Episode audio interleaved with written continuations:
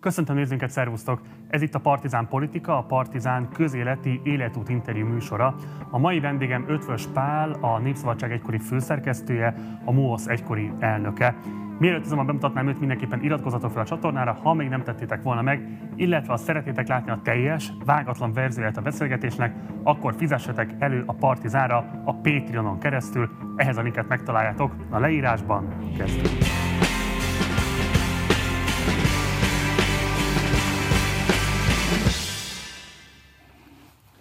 És akkor sok szeretettel köszöntöm Ötvös Pált a stúdióban. Szervusz, nagyon köszönöm, hogy elfogadtad a kívásunkat. Szívesen jöttem. Beszéljünk egy kicsit a pályád legelejéről, mert erről kevesebbet szoktál beszélni az interjúidban. Itt különösen érdekes az, hogy ugye 64-ben végeztél Szegeden, Igen.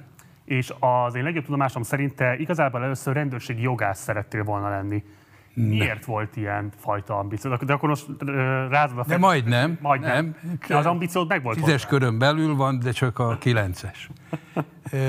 Engem a, a büntetőgi tanszék Szegeden olyan kegyben részesített, hogy tudományos pályára akartam menni, és a kriminalisztikai intézetben volt nekem egy helyem, legalábbis megígérték, ez egy nagy kitüntetés volt, de előtte egy évet el kellett volna töltenem a rendőrségen.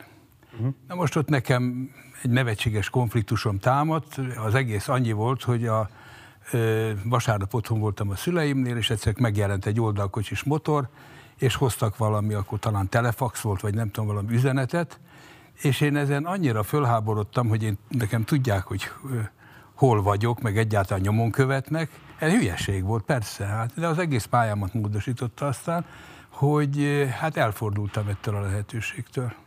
De bocs, miért vágytál igazából erre a szakmára, inkább akkor így fogalmazok ebben az időszakban, és miért tepett meg azt, hogy mondjuk ilyen értelemben akartak káderezni, hiszen nyilvánvalóan egy pártalami rendszerben a rendőrségnek az mások a funkciói, mint mondjuk egy polgári demokráciában. Ez nem, ez nem káderezés volt, ez csak egyszerűen tudták a címemet, vagy tudták, hogy hol keressenek. Nem, nem tudom a hátterét, már nem tudom, csak azt tudom, hogy ez engem irritált, hogy, hogy szóval ilyen ellenőrzés alatt vagyok. Hát az egyetemen olyan szabad életet éltünk, hogy ez nekem egy furcsa, furcsa változás volt.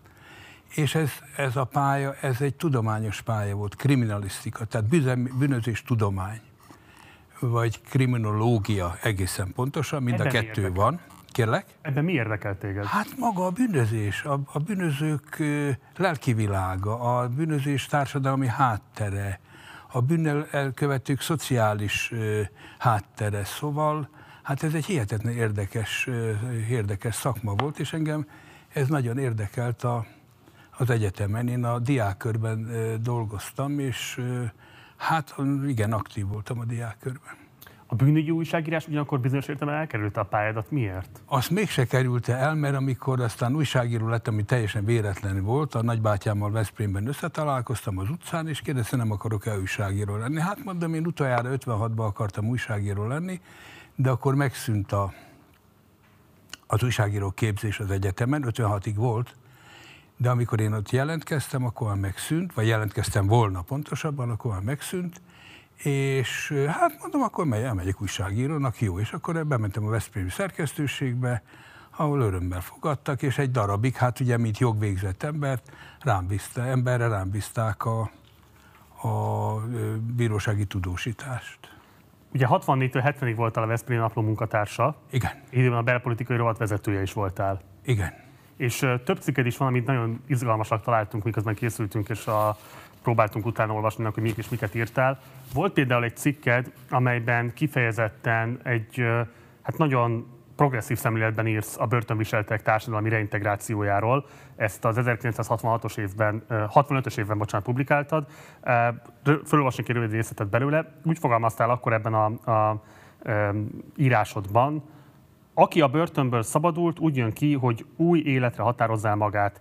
Ennyi eredményt azt hiszem mindenképp feltételezhetünk átalakított javiló, javító nevelő funkcióra átállított büntetési rendszerünkről. Ezt az elhatározást pedig tiszteletben kell tartani, ezt a törekvést kell kötelessége segítenie a társadalomnak.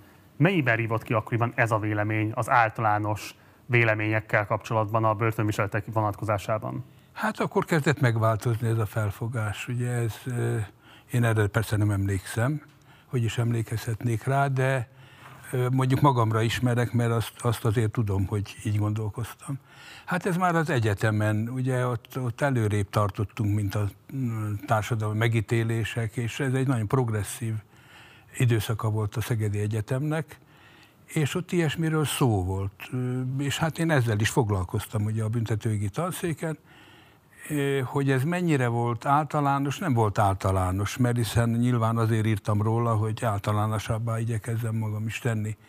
Mert a, a büntetésnek tradicionálisan megtorló szerepet szánt a társadalom. Tehát a büntetés az, az megtorlás. És én ezt gondoltam, hogy ezt írom fölül, ezt a, ezt a megítélést. De ez független volt 56-tól, 62-től, mindentől független volt a társadalomban. A bűnözőt azt víz alá kell nyomni.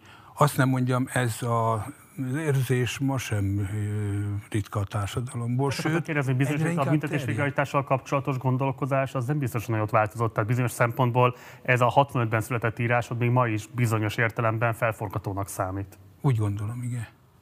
Ez, ez mit mond el neked a magyar társadalomról? Hát a magyar társadalomban nagyon sok hát olyan elem van, ugye hát a fő elem az, azt én atavizmusnak, társadalmi atavizmusnak gondolom, ez a nacionalizmus. És azt nem mondjam, ezek kézben járnak az itt említett gondolattal, már ennek az ellenkezőjével, mert a nacionalizmus kizáró, az ellenségkereső, az megtorló, szóval én írtózom ettől a ettől az atavizmustól. De azt gondolod, hogy a büntetés végrehajtási intézetekkel szembeni ilyen szankcionáló attitűd az a nacionalista elköteleződésből vagy érzeletből adódik? Nem, abból a gondolkodásmódból. Abból a gondolkodásmódból. És a nacionalizmus az minden ö, megfogalmazásában föltétlenül egy ilyesfajta regresszív a nacionalizmus, kell, igen, hát ahogy én értelmezem a nacionalizmus, tehát ez nem a nemzeti érzület, hanem a nacionalizmus az annak egy torz változata. Pontosabban bizonyos értelemben a történel, azért mondom, hogy atavizmus, mert ez valamikor a történelemben teljesen indokolt volt, hogy az ember állandóan ellenséget keresett, mert talált is. Uh-huh. Ugye? Tehát meg kellett védeni a területet, az embert, a nőket, a férfiakat, hogy ne vigyék rabszolgának, tehát ez ugye 70 ezer évig harccal telt el és ez beivódott, ez azt nem mondjam, ugye ez genetikailag benne van az emberben, nagyon mélyen benne van, néha döbbenetes, hogy mennyire benne van. Ugye már csak azzal is, hogy én magam környezetében is észreveszem, hogy ugye egy generáció kell ahhoz, hogy a legvéresebb háború is felejtésbe merüljön. Tehát, hogy az túlélje a, a, a, a az emberi megítélés. És a, a, a fiúkat akkor már, tehát eltelik egy generáció, és a fiúkat ismét könnyekkel küldik az anyák a harcba. Nem, nem gondolnak arra, tehát elfelejtődik az a, az a tapasztalat, az, az lenullázódik a tapasztalat, amit az előző háborúból hoztak, és ez így természetes, mert különben nem tudta volna egy nép, vagy egy közösség, vagy egy, egy társadalmi szegmens nem tudta volna megvédeni magát, egy horda nem tudott volna hódítani, nem tudott volna megvédeni, nem tudta volna megvédeni magát, de hát ennek ma ugye, ezért mondom atavizmus, ennek ma ilyen értelemben csak negatív konnotációi vannak. És azt nem látod, hogy esetleg a, mondjuk a reformkori demokratikus nacionalizmusnak lennének még olyan tartalékai a magyar, nem tudom, kollektív tudatban, amiből lehetne építkezni egy emancipatorikus nacionalizmus érdekében is akár? Ö, a nacionalizmus, hát mondom én más értelemben más értelemben használom. A nacionalizmusnak nincs, nincs majd egy jogosultsága, szerintem, és hát rengeteg háborúba, szenvedésbe, könyvbe, vérbe futott bele az emberiség, és hát van, ahol ez ma is élő, tehát viruló érzés és indokolt érzés. De Európában ez, meg ebben a civilizált világban ez, különösen más, első, második és harmadik világháború után, hangsúlyozom, harmadik világháború után, ez teljesen értelmetlen, nincs funkciója. Ugye a, a, a nemzeti vállás is egy nagyon bonyolult folyamat volt. a, létrejöttek bizonyos értékek, és elvesztek bizonyos értékek a nemzeti vállással. Például kisebb csoportok értékei elvesztek, soha nem lett volna ö, Olaszország vagy, vagy Németország, amik hát a 19. században ö, alakultak ki országá, ha nem mondanak le bizonyos értékekről, bizonyos szuverenitásról, azt nem mondja az emberek tehát értékeket elveszítettek, és új értékek születtek. Ilyen új érték volt a kultúra, a nemzeti kultúra, annak az egységesülése, az olasz kultúra, a darabokból összerakott német kultúra, a darabokból összerakott olasz kultúra, ennek ez egy, ez egy lemondással járó és gazdagító folyamat is volt egyben. Tehát egy nagyon bonyolult valami. A nemzetnek egyébként az egyik, a nemzetállamnak mondjuk így, az egyik kiváltója a vám volt. Bármilyen profánnak hangzik ez, a vám, hogy megvédem azt a területet, azt a kereskedelmi területet, ahol én élek, attól, hogy ide, idegen áru bejöjjön, tehát a sajátjaimat védem. Ez, ha úgy tetszik, nacionalizmus, ha úgy tetszik, nemzetvédelem, de közösségvédelem inkább így mondom, mert hiszen a nemzet ennél ettől eltérő fogalom, de a közösséget, a népet védtem mondjuk az osztrák-magyar monarchiában, hogy hát ez egy nagy kérdés volt, hogy hogyan is fogják a marhákat elhajtani nyugatra, és egyáltalán az itt fölvirágzó gyáripar, malomipar, meg egy csomó minden kiváló iparág létrejött, húsipar, ugye ezeket hogyan védjük meg a külső hatásoktól, tehát a külső versenytől, és ugye a másik védekezet szintén is így jött létre a vám. Ugye, hogy ne. Hát ez sokkal nem, jött, nem így jött létre a vám, az régebbi fogalom, ugye van is egy Észak-Magyarországon, Szlovákiában, volt Észak-Magyarországon, Szlovákiában a, az egyik, a Tátra egyik átjárójánál van egy ilyen község, amit Mítónak hívnak, Vámos volt az eredeti neve, mert ott áru megállítási jog volt, vagy a, ugye a vám volt az is, hogy a városoknak a királyok áru megállítási jogot adtak, és abból jót kaszáltak. Ez egy nagy fejlődési lehetőség volt. Na most, amikor a nemzet létrejött, akkor létrejött egy olyan kerete ennek a gazdálkodásnak, amit vámmal lehetett védeni. Hm. Nem akartak megszakítani, de mindenképpen kérlek, hogy fejtsd ki, mit értettél az alatt, hogy túl vagyunk a harmadik világháborún. Többet ehhez mit fűzek hozzá? Hidegháborúnak hívták, azt senki nem kérdezi még, miért hívják hidegháborúnak. Ez a harmadik világháborúként egy... hivatkozol rá? Kérlek? A harmadik világháborúként? Igen, igen, igen, igen. Ez az én egész gondolkozásom, alapállásom és minden erkölcsi megítélésem, történelmszemléletem szempontjából ez egy karó, amihez mindenki van kötve, az egész tehát a múltammal kapcsolatos viselkedésem, amit biztos rá fogsz kérdezni, mert sokakat érdekelt. Én nekem ez kora gyerekkoromtól kezdve felismerésem volt, nem teljesen saját felismerés, egy volt nekem akaratján egy ismerősöm, egy e, homályos hátterű ember volt, akinek elsősorban francia volt az anyanyelve, mert a nagynénye nevelte Párizsban, és itt ragadt valahogy a háború után, de magyar ember volt. és ő mondta egyszer, hogy a háborúnak nem nincs vége. Ez, mint egy ilyen horog belém, belém akadt, és én ezen nagyon sokat gondolkoztam, elhoztam egész a mai napig idáig a stúdióig. És a harmadik világháborúnak lett vége ebben az értelemben akkor? A harmadik világháborúnak vége lett, igen, vereséggel, a Szovjetunió vereségével lett vége a harmadik világháborúnak. Azóta mi van? Azóta káosz van.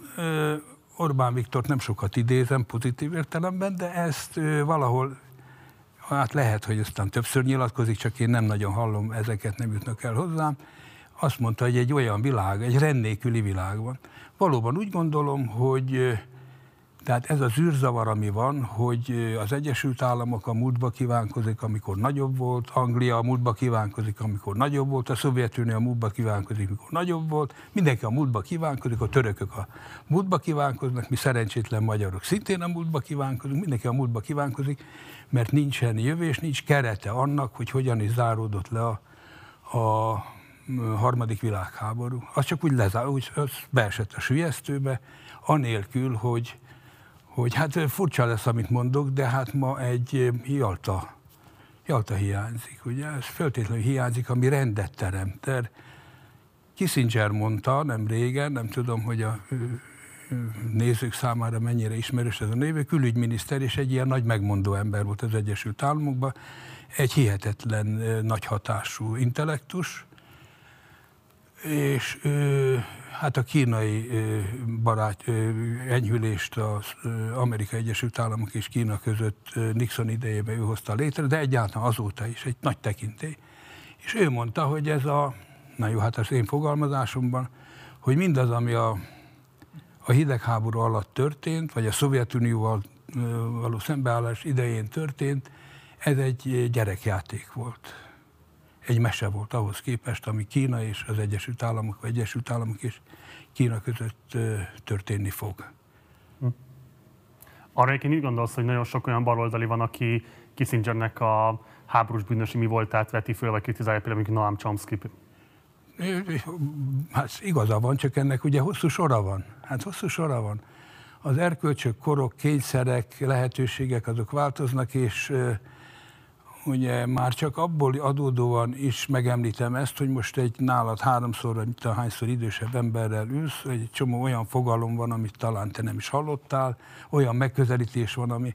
Tehát amikor ő beszélgetünk, ebben óhatatlanul van egy anakronizmus. Tehát amit én mondok, az nem biztos, hogy ma úgy hangzik, ahogy én ezt mondani szeretném, vagy ahogy mert a hátterét, a, a, a, születés szituációját nem tudom ide varázsolni, ugye az nincs elég kifejező erőm, vagy átütő erő a beszédemben, hogy az, de hát nem is nagyon lehet, nem is nagyon lehet.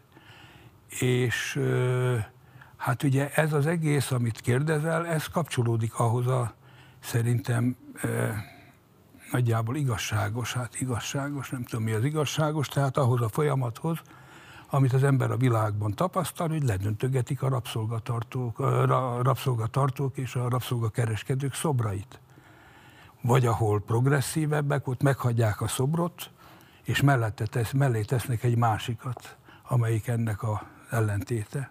Hm.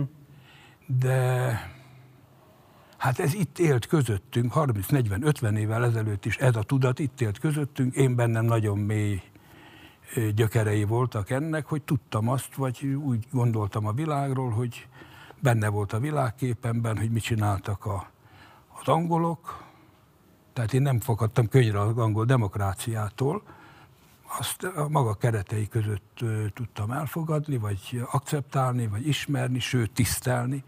Na de hát tudtam azt, hogy mi volt Kínában a, az ópiumháború idején, ugye, meg tudtam azt, hogy mi volt Indiában.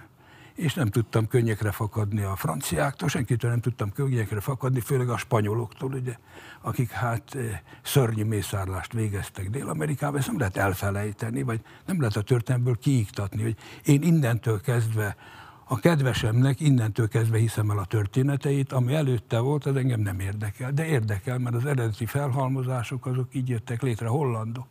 Hát nekem roppant szimpatikus az egész holland mentalitás, életforma. Ugye, hogy a, nem nagyon szeretnek új autót venni, nem nem szeretnek kiréni, és egy, egy rettentő zsugori társaság, miközben az ország hihetetlen nagy vonalú. Tehát ez nekem roppant szimpatikus, nagyon spórolósak, ugye, hogy eladják a lakásukat, hogyha a gyerekek elmentek, és beülnek egy ilyen bombágenbe, hogy hívják azt, ilyen lakókocsiba, és járják a világot. Olcsóbb. Hihetetlen zsugoriak, ha lehet mondani, de én úgy gondolom, hogy, hogy de most mindez a, minden, minden mögött ott van az egész gyarmatosítási folyamat.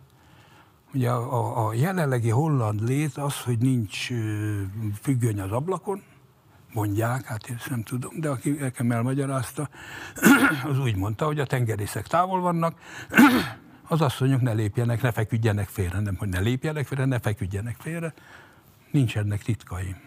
Hm. Szóval ez mind beletartozik, a, kicsit eltekeredtem tőle, de, de nem nagyon, mert beletartozik egy nemzetnek a jelenlegi szokásrendszerébe, én most szokásokat említettem, de a pozíciójába is beletartozik, hogy mi történt ezelőtt 150, 200, 300 évvel ezelőtt.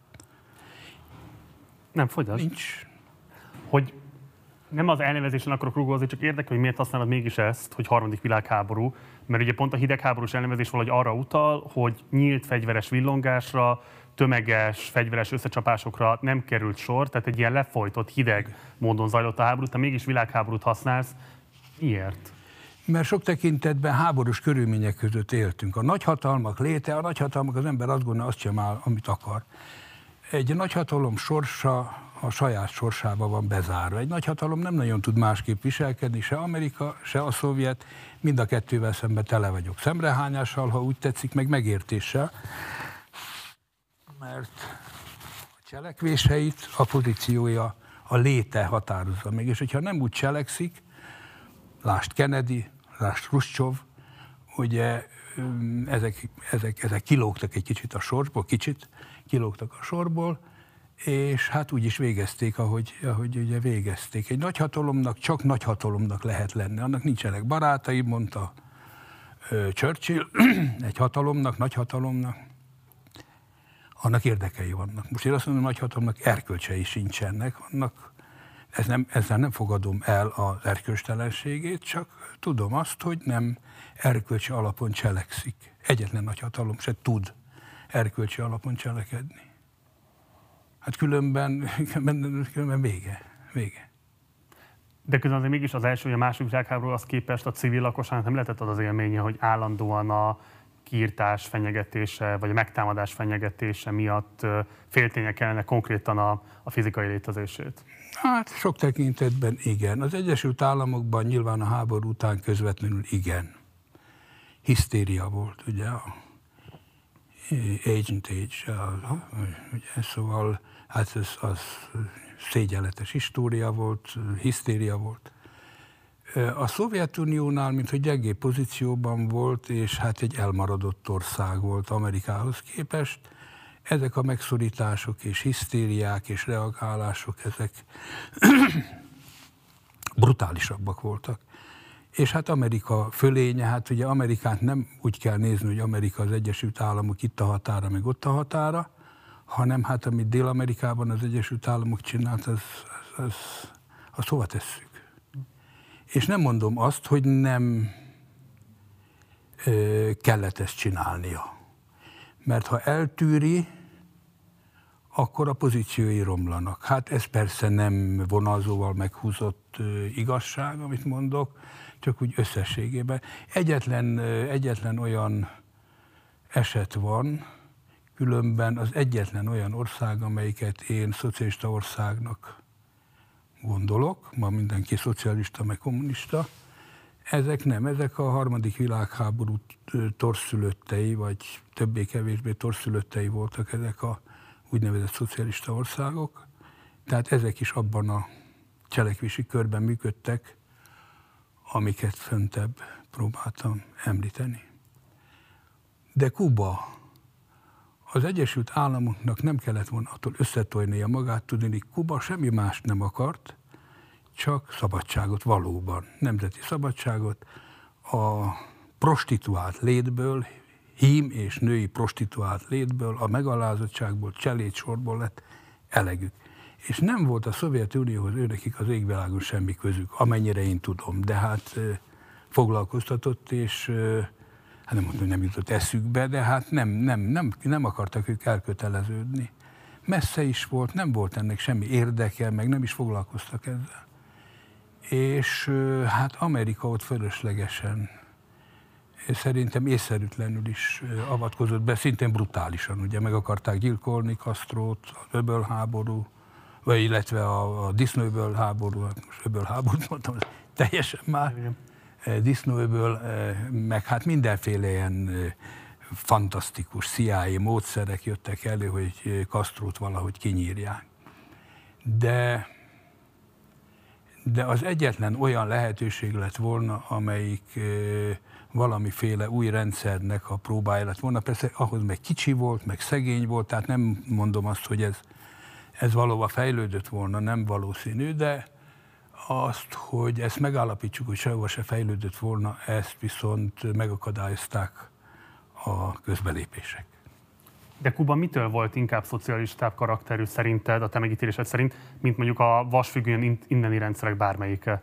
Hát mert ezek mind, mind a háborús viszonyok között, tehát a hidegháború, akkor nevezzük, jó, nem, mond... jó, kihúzom, hidegháborús viszonyok között működtek és az a szabadság, amit egyáltalán adott, az emberiség legnagyobb találmánya szerintem, na jó, hát a kerék, meg egy csomó minden más mellett, de ez a, a kölcsönös elrettentésnek a, a tézise, tehát, hogy, hogy voltak emberek, akiknek ilyen eszükbe jutott, mind a két oldalon, és voltak emberek, akik ezt keresztül vitték, hogy a végtelenben nyúló fenyegetés helyett csináljuk meg azt, hogy a védekezés, tehát hogy a pajzsokat erősítjük meg, kardot nem kell, többet akkor, vagy csak kicsit kell köszörülni, mert mindenkinek akkor a pajzsa van, hogy el tud mögé bújni, és ki tud, ki tud szúrni, hogyha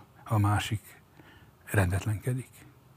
Ez egy hatalmas találmány volt, és az emberiség rengeteget köszönhet ennek, hogy elkerült, így kerültik el a háborút. Ebben Kissinger szintén benne volt.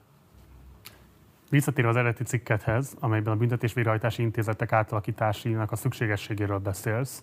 Um, értve azt, hogy azt mondod, hogy ez a nacionalista regresszió miatt nem tud bekövetkezni, hogy ezt ne javítónevelő intézetnek tekintsük, hanem büntető intézetnek tekintsük, de ugyanakkor egy olyan rendszerben, ami a Kádár rendszer volt, és amely magára mégsem nacionalista rendszerként hivatkozott, hanem szocialista rendszerként, szerinted ők miért nem alakították át a büntetés végrehajtási intézeteknek az ilyen értelembe vett funkcióját? Szerintem volt ilyen törekvés, vagy pontosabban én tanúja voltam ennek a törekvésnek, de hát vannak társadalmi fékek. A társadalom lassan reagál. És hát az emberekben benne van ez, a, ez, a, ez az ösztön, amit ugye ma aztán hát florális, hát nagyon jelen van. Én nem akarom ezt a nacionalizmus nyakába varni egy az egybe, hanem ugye én nem is azt mondom, hogy ebből következik, hanem azt mondtam, hogy a két gondolkozásmód, a rohadt buzi, a rohadt, hát ugye ez, ebben minden, mindenben benne van ez, a, ez az elnyomom, lenyomom, megbüntetem, majd móresre tanítom, füvet szív, majd móresre tanítom. Tehát ez a gondolkozásmód, ez ebben benne van, ez az ösztönélet. Ez egy ösztönélet. A bosszú ösztöne. A bosszú ösztöne, nem így hívják, hanem rendés. Rend. Rend. Holott a rendnek teljesen más a, a formája. Ugye a rend volt, rend volt a rómaiak között, miközben ők rabszolgát tartottak, de a társadalomban a római jog, azért szedtem elő, mert most nem egy idő után most meg elővettem és nézegettem ezt a római jogot, hogy micsoda csodálatos alkotás volt ez 2000 évvel ezelőtt. Ugye, hogy az emberi viszonyokat és az emberi lelket, természetet olyan primán ismerték, hogy föl tudtak építeni egy társadalmat, amelyiket totálisan ez a jogszabályzat és hihetetlen rafinériával, ügyességgel, finomságokkal, hogy két ember, aki egymással vitában állt, az, az egyik se veszítsen, tehát ne a vesztesség szorítsa őket az ütközésre. Hihetetlen érdekes. Az egy rend volt. Az egy rend volt, hát korlátozott rend, vagy olyan rend, ami... De az rendet teremtett a világban, a római jog. Az akkori világban rendet teremtett. Ez a rend. Én is rendpárti vagyok, ha úgy tetszik.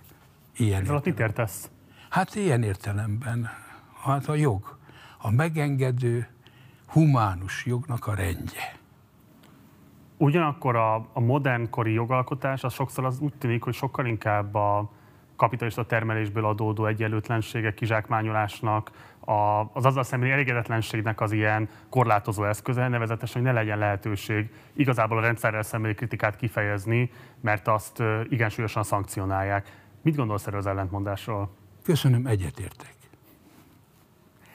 És arról mit gondolsz, hogy a büntetésvégrehajtási intézetekkel kapcsolatban szintén van egy ilyen baloldali kritika, hogy azért is igen erőteljes elvárás a társadalom részéről, hogy ezek látványosan büntető intézmények legyenek, ahol kifejezetten rossz, méltatlan körülmények között tartanak fogva embereket, mert szintén a kapitalista kizsákmányolásból adódó feszültségeket így lehet elcsatornázni, és ezen emberek iránti megvetésbe, gyűlöletbe, lenézésbe esetlegesen átvezetni. A, vége, a, a, vég, a végeredménye így van, csak az utat látom én egy kicsit Meséld el. hogy mondjam, hosszabbnak. Szóval nem, ez nem direkt adódik ebből, tehát nem úgy van, hogy leülnek, aztán megfogalmazzuk ezeket. Ez kitermeli a társadalom, kitermelik a kényszerek, a hatások, kitermeli azt, hogy mit fogadnak el az emberek, mire van mire van hajlam, befogadókészség, etc.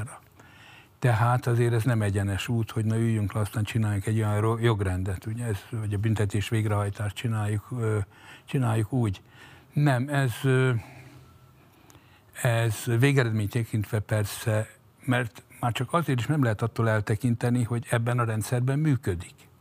Tehát ennek a rendszernek ez egy, ez egy hogy mondjam, ez egy idem per idem, ez önmagával való meg, megfogalmazás vagy meghatározás, hogy, hogy tehát ebben benne van ennek a csábítása, hogy, hogy önmagával határozzuk meg.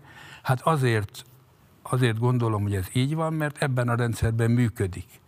Hogyha egy másik rendszerben működne, vagy ebben a felépítményben működik, akkor annak a gyakába varnánk. Hát ez, ez természetes.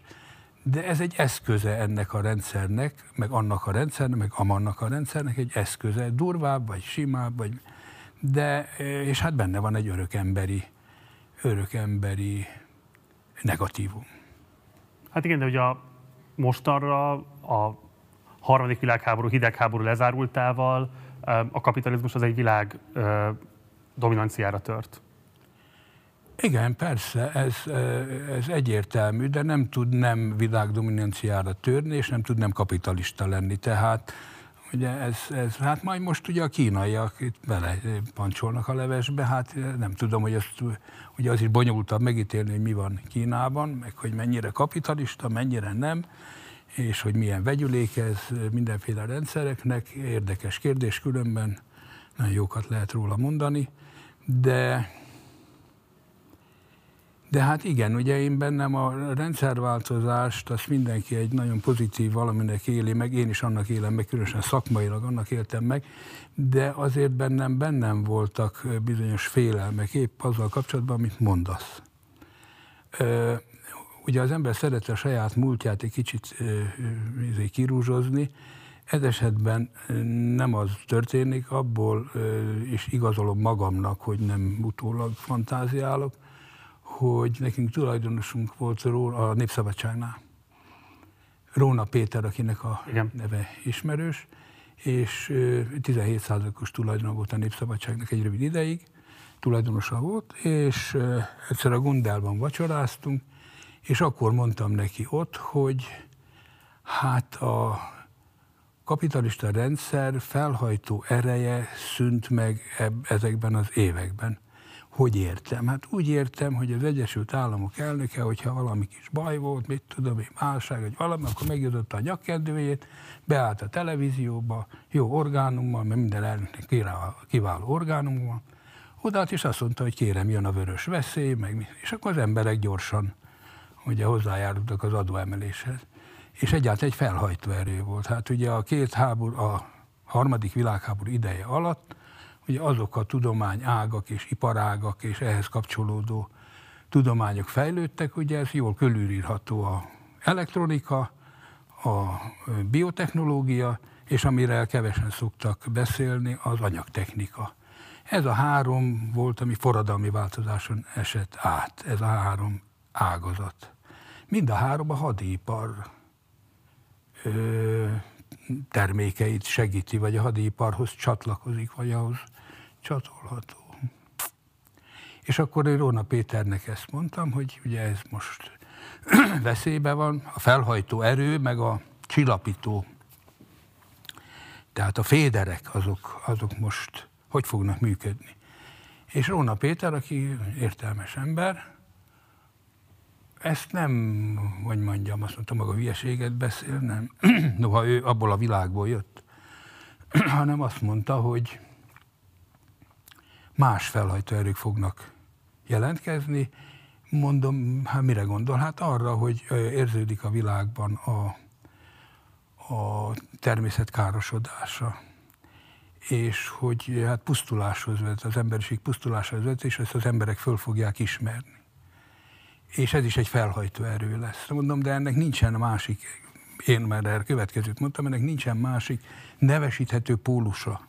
Tehát ez egy elvontság és ennek nem lesz ilyen felhajtó ereje, mint látjuk, valóban így történt. A romlásabban persze igaza volt, de azt én is így gondoltam, hogy a környezet az romolni fog, de a, az emberiség készsége arra, hogy ezeket a romlásokat megakadályozza, felszámolja, a minimális. Sok minden miatt, ugye a világ megosztottsága miatt, már társadalmi megosztottsága miatt.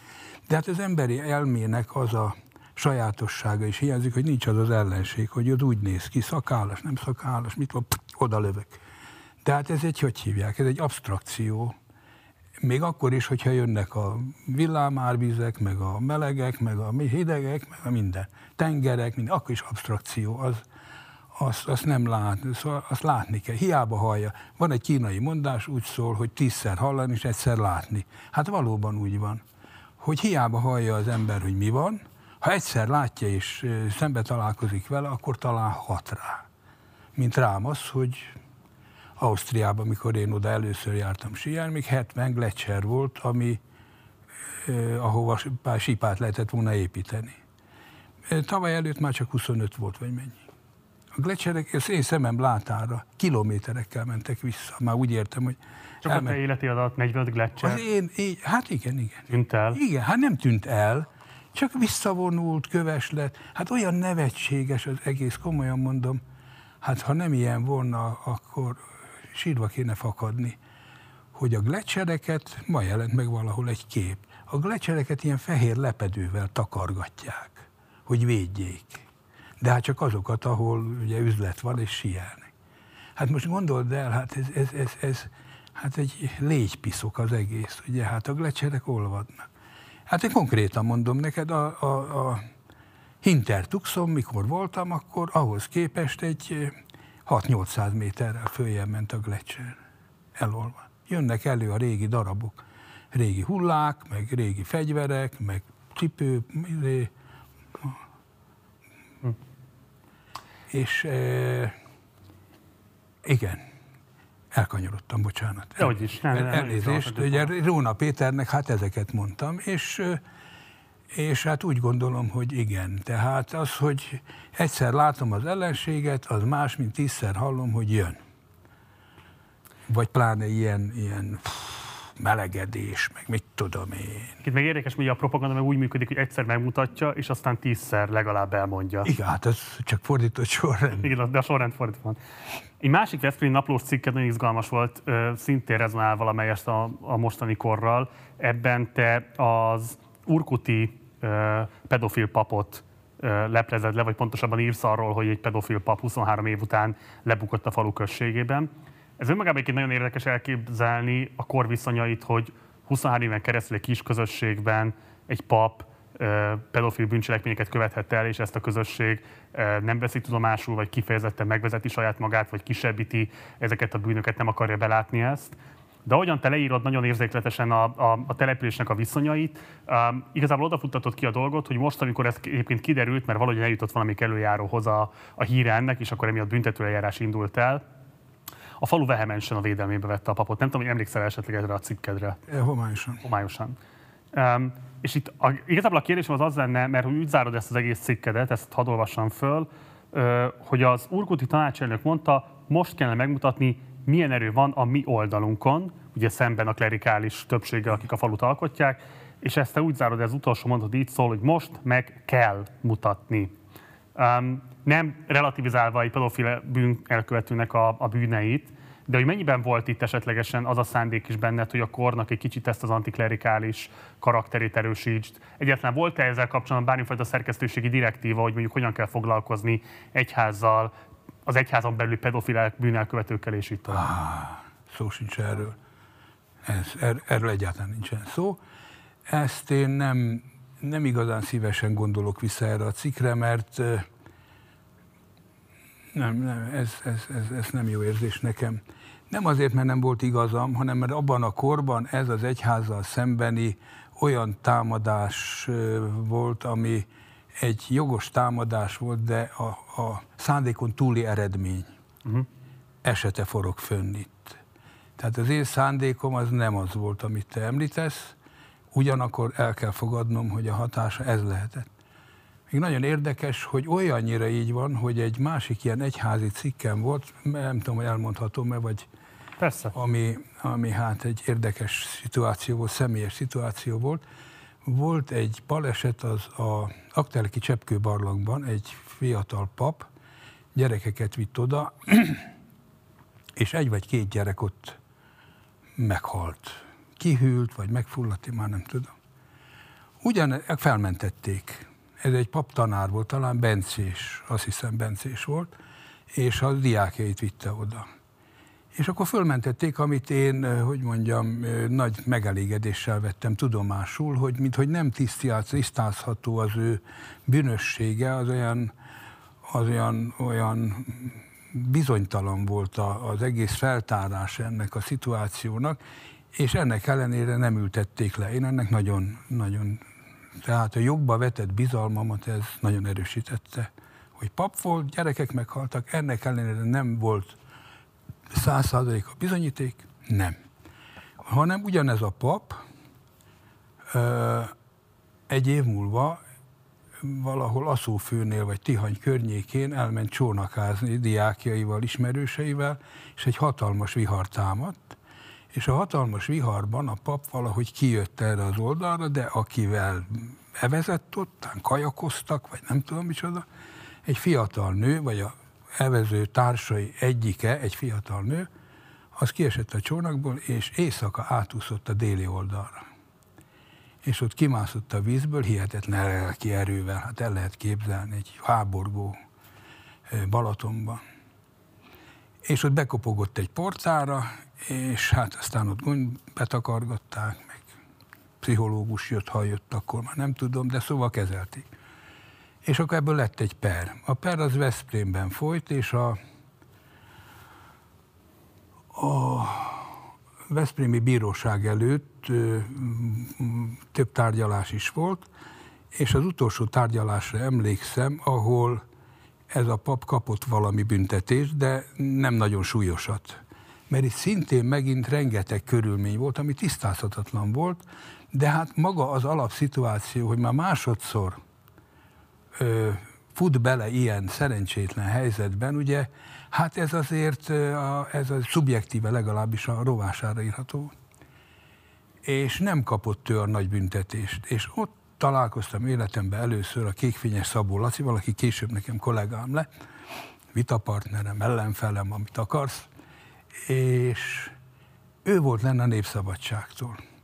És a következő nap a két cikk egymás mellé tehető volt, hogy ő mit írt erről, meg én mit írtam. Ugye, az sajnos tele volt ilyen bosszú, megtorlás, rohadt szemét, felhanggal.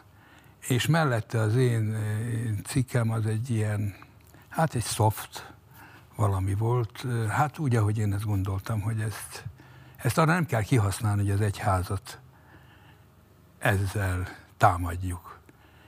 Különben se voltam antiklerikális, engem papok is neveltek bizonyos időszakban életemben. Úgy értem, hogy papok neveltek, hogy nagy hatással voltak rám olyan helyen, ahol, ahol én éltem, és semmi más nem volt.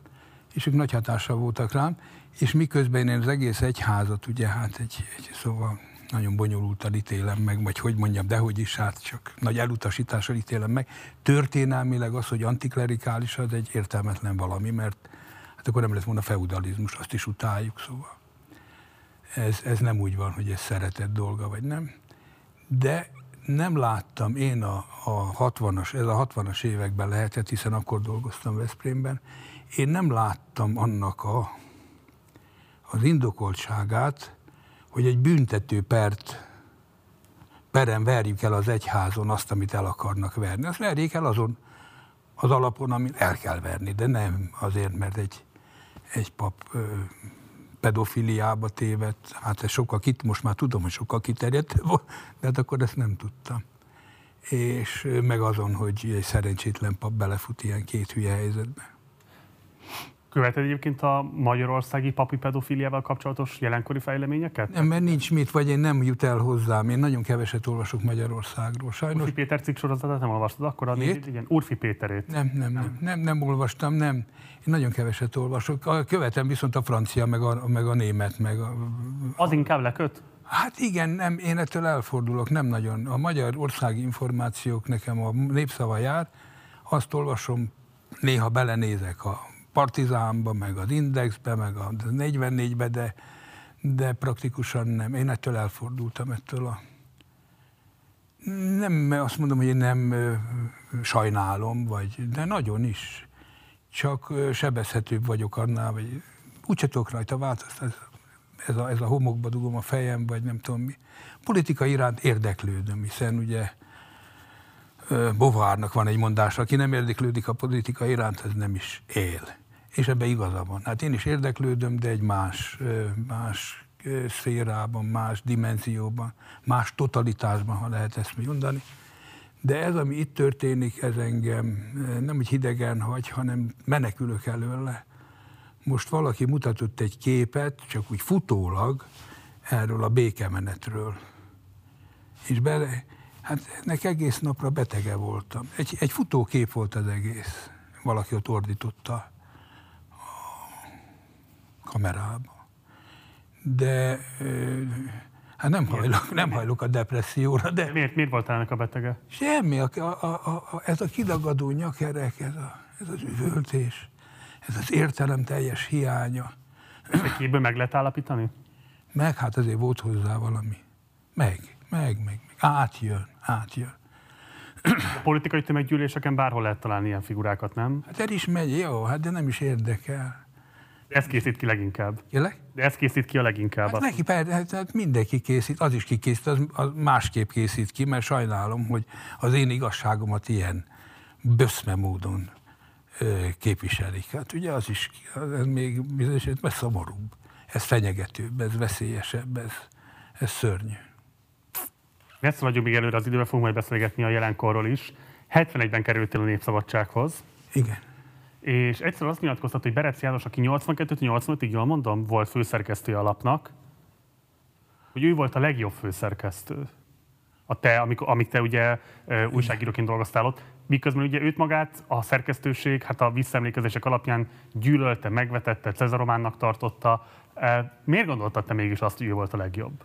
Hát először is sok oka van ennek, de én ezt nem tudom, hogy a szerkesztőség őt Cezarománnak tartotta, nem tartotta, nem is lehetett. Ilyen butaságot nem lehet mondani. Volt az? Hogy nem, dehogy is, nem. Nekem volt vele két súlyos konfliktusom Bereccel, de, de, és mind a kettőt nagyon emberi módon oldotta föl. Hát azért, mert ez egy művelt, olvasott, érdeklődő ember. Hát olvasott, nem tudom, nem volt olvasott, de érdeklődő ember volt. Volt köze valamiféle kultúrához, jó, népi kultúrához. Nem volt egy, egy, egy, egy, egy retrográd figura, hanem hát nyitott volt, és meg lehetett vele mindent beszélni, és akkor még ráadásul néha őszinte is volt, volt valami szarkasztikus megjegyzése, vagy iróniája.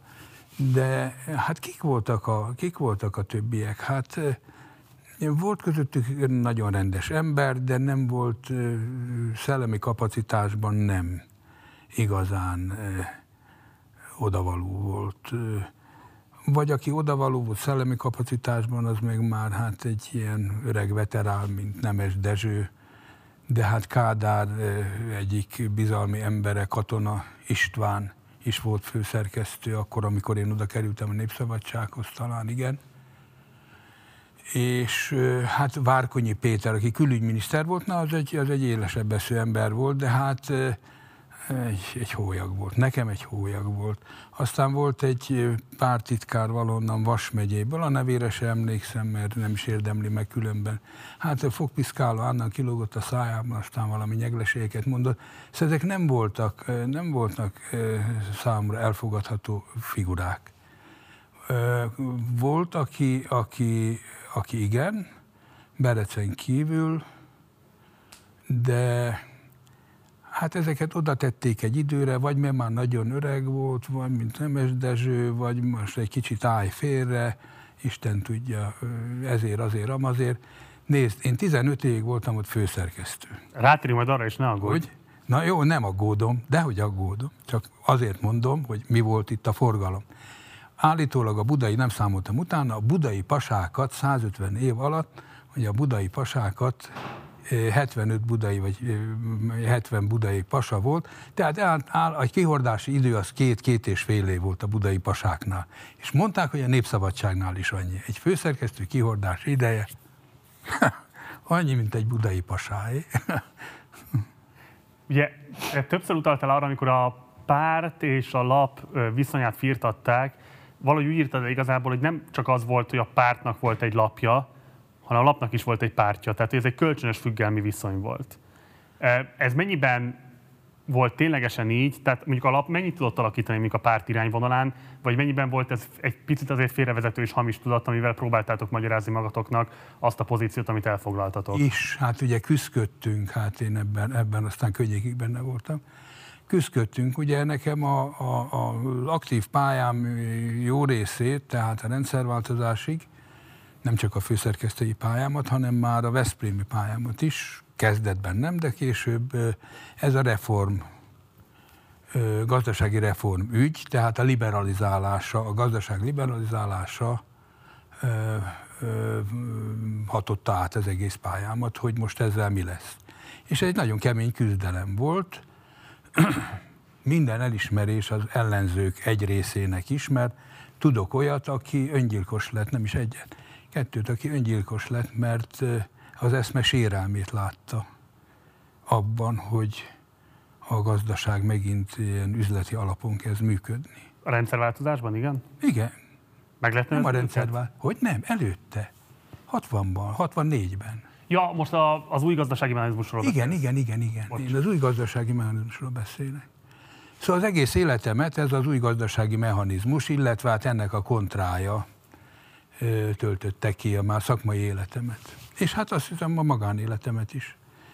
És ebben nagyon benne voltunk, és itt nagyon éles küzdelmek voltak a Népszabadságon belül is, de hát a Népszabadság persze a, a nagy politikai döntések után ment, csak azt próbálta fékezni, a másik próbálta erősíteni, vagy egy másik döntést, ugye a másik próbált erősíteni, mi fékezni. Ez egy ilyen hullámvasút volt éveken keresztül, és hát a, belső, a szerkesztőség belső megosztás, ez erős belső megosztottság volt a szerkesztőségen belül. Tehát valahol egyszer még nyilatkoztam, hogy két főszerkesztő helyettes évekig nem is köszönt egymásnak. Egymással szembe voltak a szobáik, közös titkárnőik volt, és évekig nem álltak egymással szóba. Évekig? Évekig, évekig. Tehát nem az, hogy most haragszom rád, rácsapom az ajtót, aztán nem, évekig nem álltak egymással szóba. E, politikai, vagy, vagy hogy mondja, eszmei, inkább nem politikai, eszmei alapon. Kifejezetten eszmei alapon. 1964-65-ben, valahogy úgy abban az időben lehetett,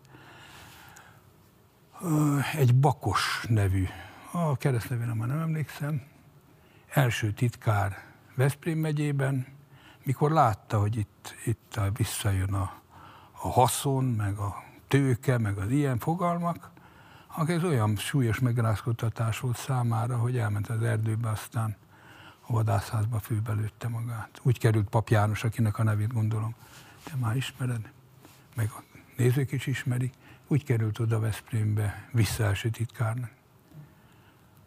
Kádár János legnagyobb meg könnyebbülésére persze. És hát voltak ennek elkötelezettje. És a szerkesztőségben hát persze volt ennek illúziója is, hogy most valamit csinálunk, de hát a muszáj volt. Tehát emberben benne van a meggyőződés kényszere, vagy a meggyőzés kényszere, és a meggyőződés kényszere. És hát ugye meg voltunk győződve. Én személy szerint meg voltam arról győződve, hogy ez a kimenet Magyarország számára, és sok tekintetben utólag is azt mondom, hogy igazam volt, átmeneti kimenet volt, de kimenet volt. 85-től Borbély Gábor volt a főszerkesztő, és te voltál a főszerkesztő helyettes. Igen. 89-ig egészen ez volt a felállás, és ahogyan több interjúban visszaemlékeztél erre az időszakra, azt lehet látni, hogy ő így kvázi kiszervezte igazából neked a privatizáció előkészítésének a folyamatát. Most nem, ez, ez nem egy eltervezett folyamat volt nyilvánvalóan, tapogatóztatok, próbáltatok bevételeket szerezni. Ezt kérdezem is egyébként, hogy ez miért volt számotokra szükséges? Ugye lehet tudni azt, hogy te Ausztriában tárgyaltál sok áttételeken keresztül, lényegében a Bertelsmann egyik érdekeltségével, a, ami ugye arra irányult volna, hogy egy TV újság mellékletet helyezzetek el a labban, ami akkor hát rekord magas példányszámban kelt el, 800 ezeres példányszámról lehet tudni. Hát akkor talán, de 7-800 ezer. 7-800 ezer közötti, tehát nyilvánvalóan ez egy nagyon fontos. Signifikáns különbség nincs a kettő között, úgyhogy jót, jót mondtál teljesen jó. Ez bevételi szempontból lett volna fontos nektek, de igazából miért volt fontos a bevétel, hogyha közben akkor is már nyereséges volt a lap, és nem csak, hogy nyereséges volt, hanem a hírlap kiadó vállalat, ami a tulajdonosi jogokat gyakorolta, az összes többi sajtótermékét gyakorlatilag a Népszabadságon keresztül keresztfinanszírozta. Hát részben azért, hogy, hogy még, hát miért? Hát az ember szeret még több bevételt, hát egyébként hiába folytasz be a hírlapkiadó kasszájába, az azért a Népszabadság bevétele volt, az meg volt címkézve, hogy ezt a Népszabadság hozta, tehát azért... Volt ami... erre ráhatásotok? Erre volt, hogy ne volt, hát persze, hát ott, ott egy gazdasági egység működött a Népszabadság keretein belül, annak volt önálló elszámolása. Papírköltség, nyomdaköltség, fuvarköltség, újságíró költség, fizetés, mifene, csomó minden volt amit hát finanszírozni kellett. Ez nem volt tisztán gazdasági számítás részemről, de elsősorban gazdasági számítás volt talán, meg föl rácsaptam. Ahogy ma mondják, rá cuppantam a lehetőségre, mert egyrészt pénz hozott, másrészt egy, egy más, tehát egy kitörési lehetőséget, akkor finoman éreztem, hogy itt már azért elég nagy változások lesznek, és nem... 85-től ezt te érezted? Nem, ez még nem 85-ben volt. Hányba járunk akkor? Hát mondjuk 87, 87 végén, de akkor még ezt én magam, tehát senkinek nem szóltam. De 88-ban már, már privatizációs tárgyalásokat folytattam én, most azért kell egyes szám első szemben, amit utálok, ilyen esetben fogalmaznom, mert erről senki nem nagyon tudott hogy mi, mi, mi foly fő ott. De bocs, akkor ez igazából egy olyan megállapodás volt Borbe és köztet, hogy ő főszerkesztőként ezt nem vállalhatta föl, és ezért azt mondta, hogy Pali, menj, csináld, tudok róla, de ne nekem kell elvinnem a balhét, mert én megvithetem a bokámat. Egy szó nem hangzott el közöttünk erről, metakommunikáció, vagy én tudtam, ő bízott bennem, én bíztam benne. Ne, hát mondtam, jönnek ide németek tárgyalni. Nem kérdezett többet. De honnan volt neked ez mandátumod? Sehonnan, sehonnan. Kitaláltad a Hát, újság egyik alkalmazottjaként. Hát főszerkesztő helyettesként, vagy hogy mondjam, főszerkesztő első helyetteseként, aki szakmailag az ügyeket nagyjából vittem. Semmi, hát aztán ez zátóira is futott az egész, mert egyszer megkérdezték tőlem, hogy hát most akkor kivel kell tárgyalni, ki a tulajdonos. Hát, hát nyekegtem, nyakogtam. Hát mondom, a hírlapkiadó, az állam, a párt, a de kivel kell tárgyalni? Hát mondtam, velem. Na de hát ez nem, ugye ez gyerekes volt, de egy csomó egyéb gyerekességgel együtt tulajdonképpen ezt is elfogadták. Később. Később elfogadták, hát ben pergett ugye a, a, a, az idő ment előre, és hát megváltoztak a viszonyok. Néhány, tehát egy nagy szünet következett, mert a hírlapkiadót akartam én ebbe bevonni. Ez még 88-ban volt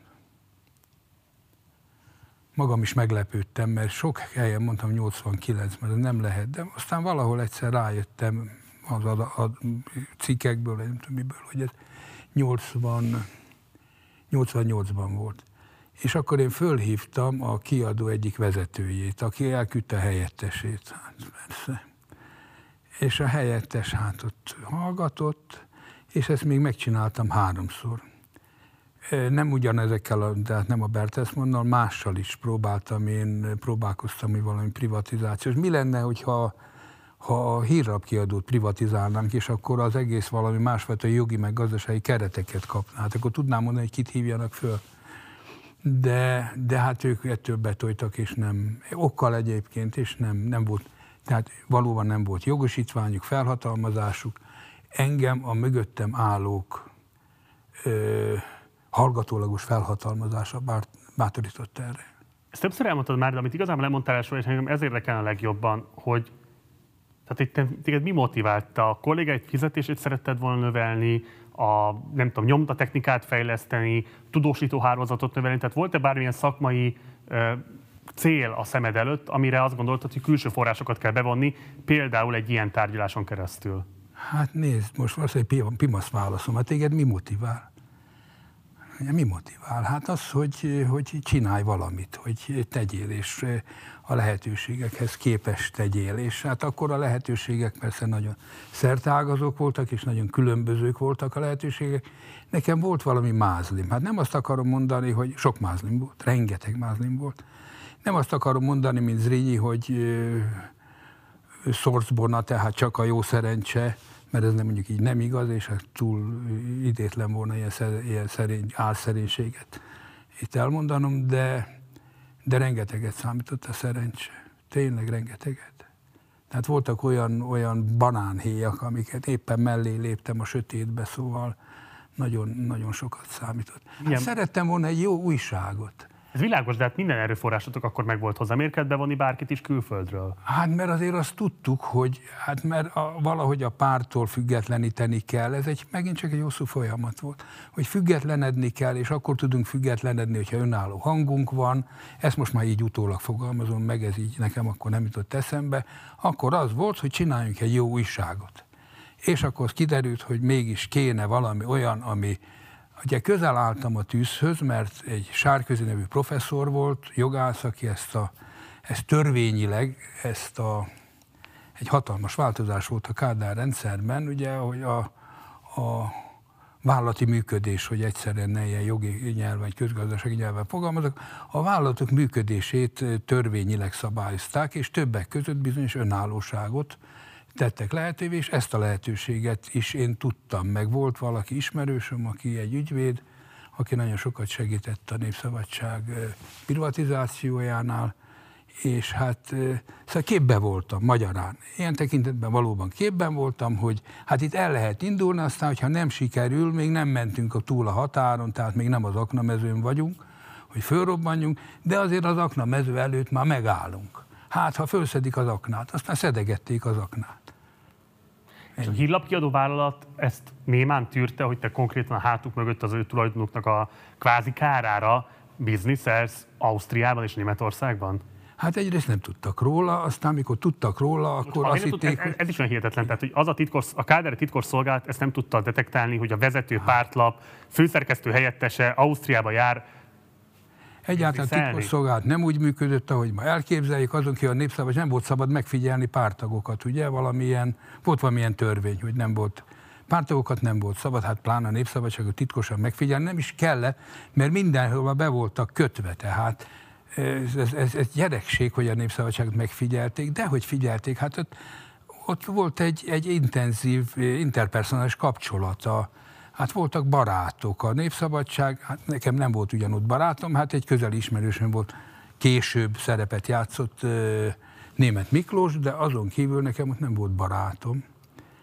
De voltak, akiknek voltak, és eszmei közösségek voltak. Tehát abban a harcban, ami a, a retrográd elemek, illetve, hogy mondjam, a, a tehát a reformpártiak és a reform ellenző között voltak, hát ezek össze voltak kötve, a pártközpontban is voltak ilyen, ott, ott is végigment ez az egész. Tehát ott volt Nyers Rezső, de hát Fok Jenő. Hát ugye egy nagy reformer volt Fok Jenő, és hát ő neki nyilván megvoltak a, a vagy áttétellel, földessel meg volt a kapcsolat, az egészen biztosan tudom, hogy földessel meg. De Szamosi Károly, aki a másik főszerkesztő helyettes, a két említett egymással szemben álló főszerkesztő helyettes közül a másik volt, hát ő meg Biszkú Bélához volt bekötve, hát bekötve.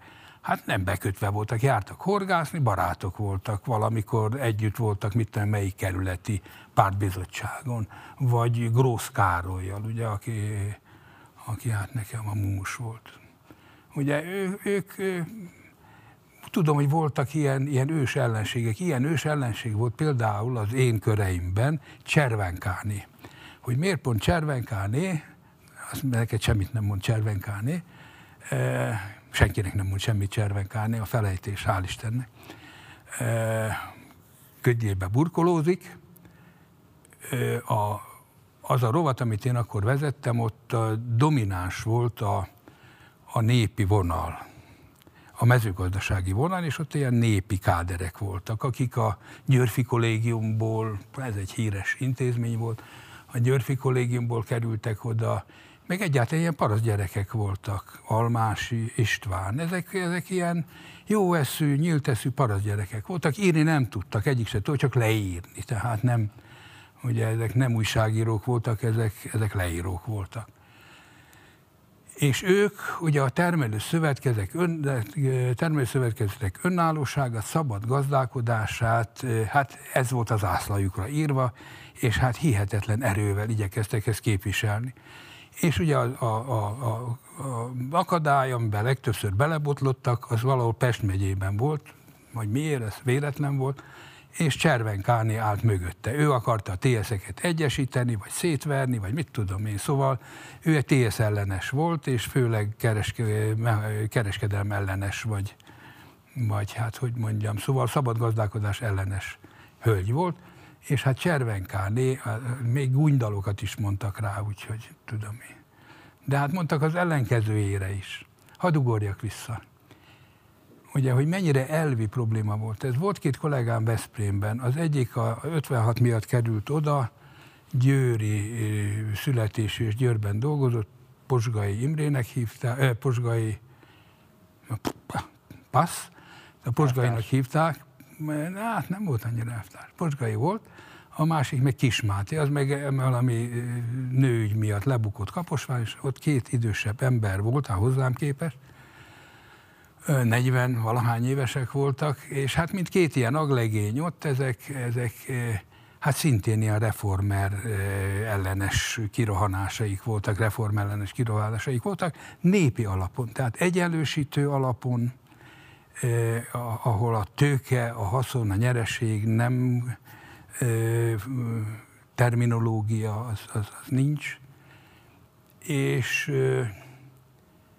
ők ugye ezt, ezt egészen egész gyerekes módon képviselték. Volt ott egy termelő szövetkezet valahol pápa mellett, Vaszar, még mindig emlékszem a nevére, ahol egy ilyen nagyon ügyeskedő, ilyen mindenből pénzt csináló, nagy csavargó elnök volt. Most ez valóban csavar, mindenféle hülyeséget csinált, tényleg, tehát a leltárt hamisított, egyik év leltárát a másikra tette, szóval, na de egy ilyen nagy reformer volt, és mindenféle ilyen ipari tevékenységet elkezdett. Egyszer belátogatott a szerkesztőségbe, nem tart hosszú ideig, de érdemes elmondani, mert érződik, hogy, hogy milyen világ volt. Belátogatott a szerkesztőségbe ez a vaszari elnök, és letette a kalucsniát, meg a, az esernyőjét a főszerkesztői szoba előtt esett az eső. És ez a két hülye, ezek annyira utálták ezt a vaszeri bizniszt, hogy a, a lukasztó, a papír lukasztónak a, a, ez a kis konfettiét, azt beszorták a, az esernyőjébe, a kalucsniával, ami hát egy olyan rekvizitum volt, ami a polgári világra emlékeztette őket, ezzel elkezdtek ott a, a folyosón rugdosni, focizni. Szóval egészen, hogy mondjam, ez mind, mind hihetetlen, szinte hihetetlen, de hát ez azért mondom, hogy anakronizmus, mert én ezt átélem, hogy ezek mit éreztek ott, én nagyon szerettem őket. Két ilyen egyenlősítő, népi, nagyon tehetséges ember volt, Posgai nagyon tehetséges ember volt, még a regényére is emlékszem, egyik regényére is emlékszem, tartsd a vállat barátom, tehát, hogy föl lehessen menni. És Hát ez, ez át, a társadalom nagyon, nagyon megoszlott ebben az ügyben, hogy most legyen reform, tehát visszajön a tőke, vagy ne jöjjön vissza, a haszon, a nyereség, a üzlet, a, hát munkanélküli jövedelem. Ugye hát ez, ezt a nép ezt nem bírta. Hát mi az, hogy munkanélküli jövedelem? Hát ez, és ennek nagy népi támogatottsága volt, hogy ilyen ne legyen. És egyenlősítés volt. És az egész reform sok esetben ugye azon bukott meg, hogy jövedelmi különbségek jöttek létre, és ezt nem tolerálta a nép, nem, nem óhajtotta el, milyen, mint ma van, ugye hát erről nincsen szó, és ez meg hogy tolerálja, jaj, jaj, jaj, jaj. micsoda érdekességek vannak. Uh, ennyi. Borbély Gábor 89-ben kerül ki a főszerkesztői székből, és te váltod őt. Igen. Ő végül egyébként miért mond le, vagy miért kényszerül lemondani, mi az ő távozásnak az oka?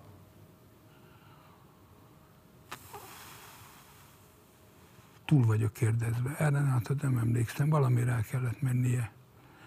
Szerintem Grósz miatt. Ugye amikor Grósz fölkerült Budapestre, ez csak, igen, most már kezdek kapcsolni, csak egy kicsit lassú. Mikor Grósz fölkerült Budapestre, akkor a Budapesti Pártbizottságról, ezt egyszer valakinek el is mondtam, és arról jut eszembe most. Nekem volt egy, egy fülesem, ahogy mondják, vagy micsoda, egy, szóval volt egy sugó. Uh-huh. Ő Grósznak a nagyon jó barátja volt, valamikor baráti viszonyban voltak Miskolcon. És az illető ilyen instruktor volt, mert volt ilyen, hogy a párt központból a megyékhez jártak instruktorok. Hát akik megkérdezik, mi ott a hangulat, és akkor az elvtársaknak idefön jelentették, hogy jól dolgoznak, nem jól dolgoznak, mi a helyzet. Tehát ilyen helyzetjelentők voltak, és ez a pasas, ez Egerben volt instruktor. És akkor lementem hozzá Egerbe, mert hívott, hogy menjek le, és akkor hát láttam, hogy valamit akar mondani, de elmentünk ebédelni, meg sétáltunk, meg elmentünk múzeumba, érdeklődő pasi volt. És azt mondja, te Pali, tudod te, hogy Borbé lesz a főszerkesztő, de ne szólj senkinek. Hát mondom, nem tudom, de hogyan. Hát mert Karcsi lesz az első titkár Budapesten. És így tudtam meg, hogy Borbé, Borbé lesz a főszerkesztő, mert Borbét elüldözte onnan, tehát ők nem, nem jöttek ki egymással. Hogy miért, miért nem, azt nem tudom. Hogy volt elé a szerkesztőségnek, hogy saját maga nevezzen ki főszerkesztőt a te személyedben? Hát ez már a, a, ez már a, a későbbiek során, e, hát volt felkelésnek mondják, ugye, hát minden felkelés mögött ugye vannak irracionális elemek, meg vannak racionális elemek, erőmutogatás volt. Megtehettük, tehát senki nem jött oda, akkor már a Népszabadság, nézd, a Népszabadság 1900 89 márciustól, ha jól emlékszem, március 1-én álltunk át, de lehet, hogy nem.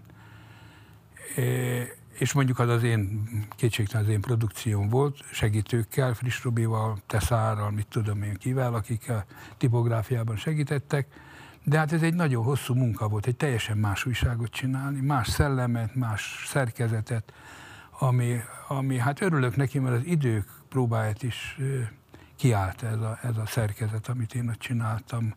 Ugye ezt nem így ültem le, hogy most ezt így kell csinálni, hanem hát a, a, az általástól az egyes felé, a hírben a konkréttól az általános felé, szóval ez föl volt, mint egy fuga, össze-vissza volt így keverve az újság, és össze volt rakva.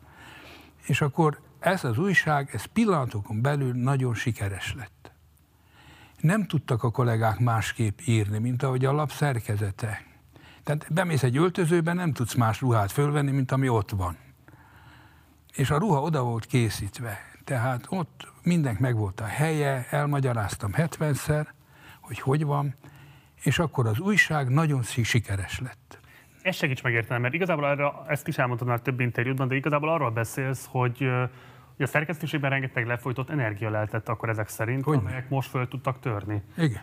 Um, hogy lehet az, hogyha húzamosabb ideig, éveken keresztül el van folytva ez a fajta tehetség, az egyszerűen nem kopik el. Hogyan lehetséges az, hogy hirtelen jön egy változás, és akkor képesek az addigi gyakorlatot meghaladva hirtelen sokkal minőségi munkát végezni ezek az emberek? De ez nem statikus ez a helyzet, ugye? Tehát nem úgy van, hogy itt van a kezdőpont, itt a vége, azt össze lehet tolni, hogy egy csütörtökről péntekre. Ez egy hosszú fejlődési folyamat volt, az ambíciók is fölébredtek, a külvilág megváltozott, egymást bátorítottuk, segítettük egymást, szóval ez egy ilyen értelemben közös munka volt, mert nagyon segítettek engem a kollégák, főleg, főleg, hát hogy ne toljak be, vagy nem is tudom, valami ilyesmi volt leginkább, igen. És hát voltak persze nekik, engem az is hajtott, hogy nagyon kiváló kollégáimnak voltak más ambícióik is, hogy már itt hagyják ezt a szart már bocsánat, de elmennek innen a fenébe. És nagyon tehetséges emberektől féltem, hogy meg kell válnom, vagy itt hagynak a fenébe, és akkor, akkor tehát az ő, a, ő igényeiket is ki kellett elégítenem. Tamás Ervin mondom, vagy tudom én, friss Robit, ezek még mindig funga, él, élő emberek, ugye. Uh, velemegy. és uh, Hát itt egymás, tehát ez, ez eltartott 88-tól, amikor ugye nekem kinyílt a csipám ebben a, ebben a, a Maul Belzer behúzott újság ügyben, akkor egyre jött az étvágyam. És láttam azt, hogy nem ütközöm ellenállásba, nem ütközöm igazán ellenállásba. Uh-huh. És akkor, akkor még beljebb mentem, még beljebb mentem. És a vége az lett, hogy valamikor 88 végén négy kézlábaztam ott éjszaka a gyönyörűen berendezett szobámba, szerkesztőskész szobámba, és vagdostam ott, mert hát nem úgy volt, mint ma, hanem egy nagy ollóval dolgoztam. És az ollóval egy nagy papírra fölragasztottam, és akkor nem volt jó, akkor fogtam, összegyűrtem, dühömbe eldobtam, szóval, és egy nagy halom lett ott hajnalra. Akkor ennek analógiájára azt se tartott kizártnak, nem? Hogy mondjuk esetleg, ha lemegy a politikai nyomás a mostani Cashma birodalomról, ugye a Fideszes Média Holdingról, hogy simán elképzelhető, hogy ott is majd megtáltosodnak a kollégák, vagy dolgozók, vagy nem Hát ez egy más helyzet, más helyzet. Nagyon más helyzet? Sajnos igen, igen, Bolgár Gyurinál voltam egy interjút, máig bánom, vagy mostan bánom, néhány hete volt, hogy nem tudtam neki valami vigasztalót mondani, hogy itt majd jön az új kormány, és akkor így lesz a sajtóból, úgy lesz, a, ez lesz a sajtóból. Itt van néhány tucat normálisan gondolkozó ember, de kiírtották a szakmát, a tradícióit, az akaratot. Ki? Hát kiírtódott. Hát ez a rendszer, amit, amit működik. Hát, hát itt, itt, itt ez nem, nem, nem sajtó, hát ez egy, ez egy leíró propagandagépezetnek is elég vacak különben, amennyi eljön hozzá. Segíts akkor megérteni, azok a nézők, akik követik a műsorainkat, azok ha megszületek a rendszerváltáskor, akkor már sokat mondok, lehet, hogy tíz év után születek csak meg, vagy nem tudom, 2010 Igen. környékén. Um, miben különbözik alapvetően a Kesma birodalom propaganda tevékenysége a 89 előtti pártállami sajtó propaganda tevékenységétől? Hát nagyon nehezet kérdeztél, mert erre elég hosszú választ kéne adnom, de nem adok hosszú választ. Ez egy, egy egyszemélyesen vezérelt ö, ö, rendszer, ami itt van egy nagyon szigorú rendszer. Sajnos azt kell mondjam, hogy a Kádár rendszer, azért mondom, hogy sajnos, mert ezt nem lehet megérteni, meg mindenki mást hall, sok tekintetben egy nagyon szabadon működő, szellemileg nagyon szabadon. De ez miért sajnos? Hogy, hogy sajnos, hogy ezt kell mondjam, és nem értik ja. meg. Nem értik meg. De hát nagyon egyszerű. Az én könyvtáramban össze van például gyűltve valóság.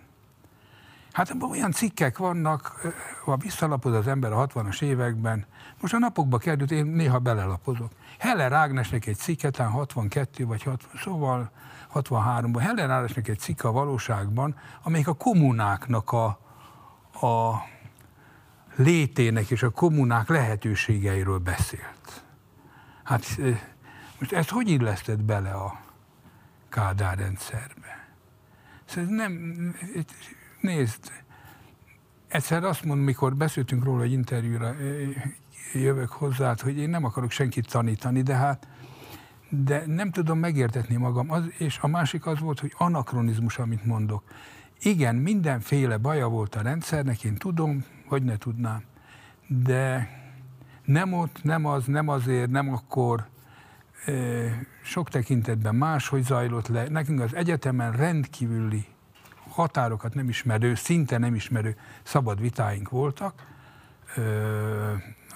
bizonyos speciális kollégiumokon, és egyáltalán a tudomány tisztelete az megvolt, és ma meg minden van, csak a tudomány, a tudás tisztelete nincs.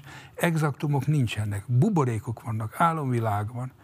Ez kitermeli a maga buborék embereit, akik szétpukkadnak, ezekből soha nem lesz, semmi nem lesz ezek elvesztették, ha volt nekik egyéniségük, azt is elvesztették, és a folyamat is sokkal hosszabb. Ugye Bolgárnak azt mondtam, hogy először azokat kell megtanítani, akik az új, a tanítókat majd megtanítják, a, hogy hogyan tanítsanak, ugye? Tehát ez egy nagyon hosszú folyamat. És nem hiszem, hogy, hogy hát itten felvértezve állnának. Hát mit olvasnak? Most mondd meg, hát milyen kultúrán nőnek föl? Hát ez, ez, ez, ez nem összehasonlító azzal, ami egy kitermelődött a, az évek során. Még azt tudom mondani neked, hogy a 40-es évektől, hát ugye itt rengeteg népi káder jött föl, színészek, művészek, írók, mindenféle. Hát ezek beépültek abba a rendszerbe, és érdemes volt olvasni őket, vagy lehetett olvasni őket. Hát én az első, ugye félretoltam a elfújta a szelet, meg amit tudom én, a szüleim könyvtárában voltak ilyen, hát nem is az övé volt, övék volt a könyvtár, hanem valahogy hozzájuk került, mit tudom én már, hogy hogyan, és almási miért, meg, meg valamit visz a víz, meg a két fogoly, meg ezek. Tizenéves, azt mondtam, általános iskolás koromban ezek eljutottak hozzám, de ellögdöstem, mert, mert nagy hatással volt rám Kodolányi János, aki, akit én személyesen ismertem, és hát ilyen cselédgyerekként dolgoztam néha nála. Hoz be Palika, Palika hozza be a maga a felesége, egy ilyen parasztasszony volt, kiálló, hogy hívják, okkal, pofacsontú asszony volt, háti kosárral. Hozza be a tojást a tyúkok alól, meg ott föl kéne ásni a kertet, szóval így, és akkor bementem, és akkor hát néhány szót váltottam vele, meg egy mogorva ember volt különben, testi hibás volt, valami fogyatékkal élő volt. És akkor az ő könyveit kezdtem olvasni, és azt, azt éreztem, hogy Hát ez az. Hát ez az.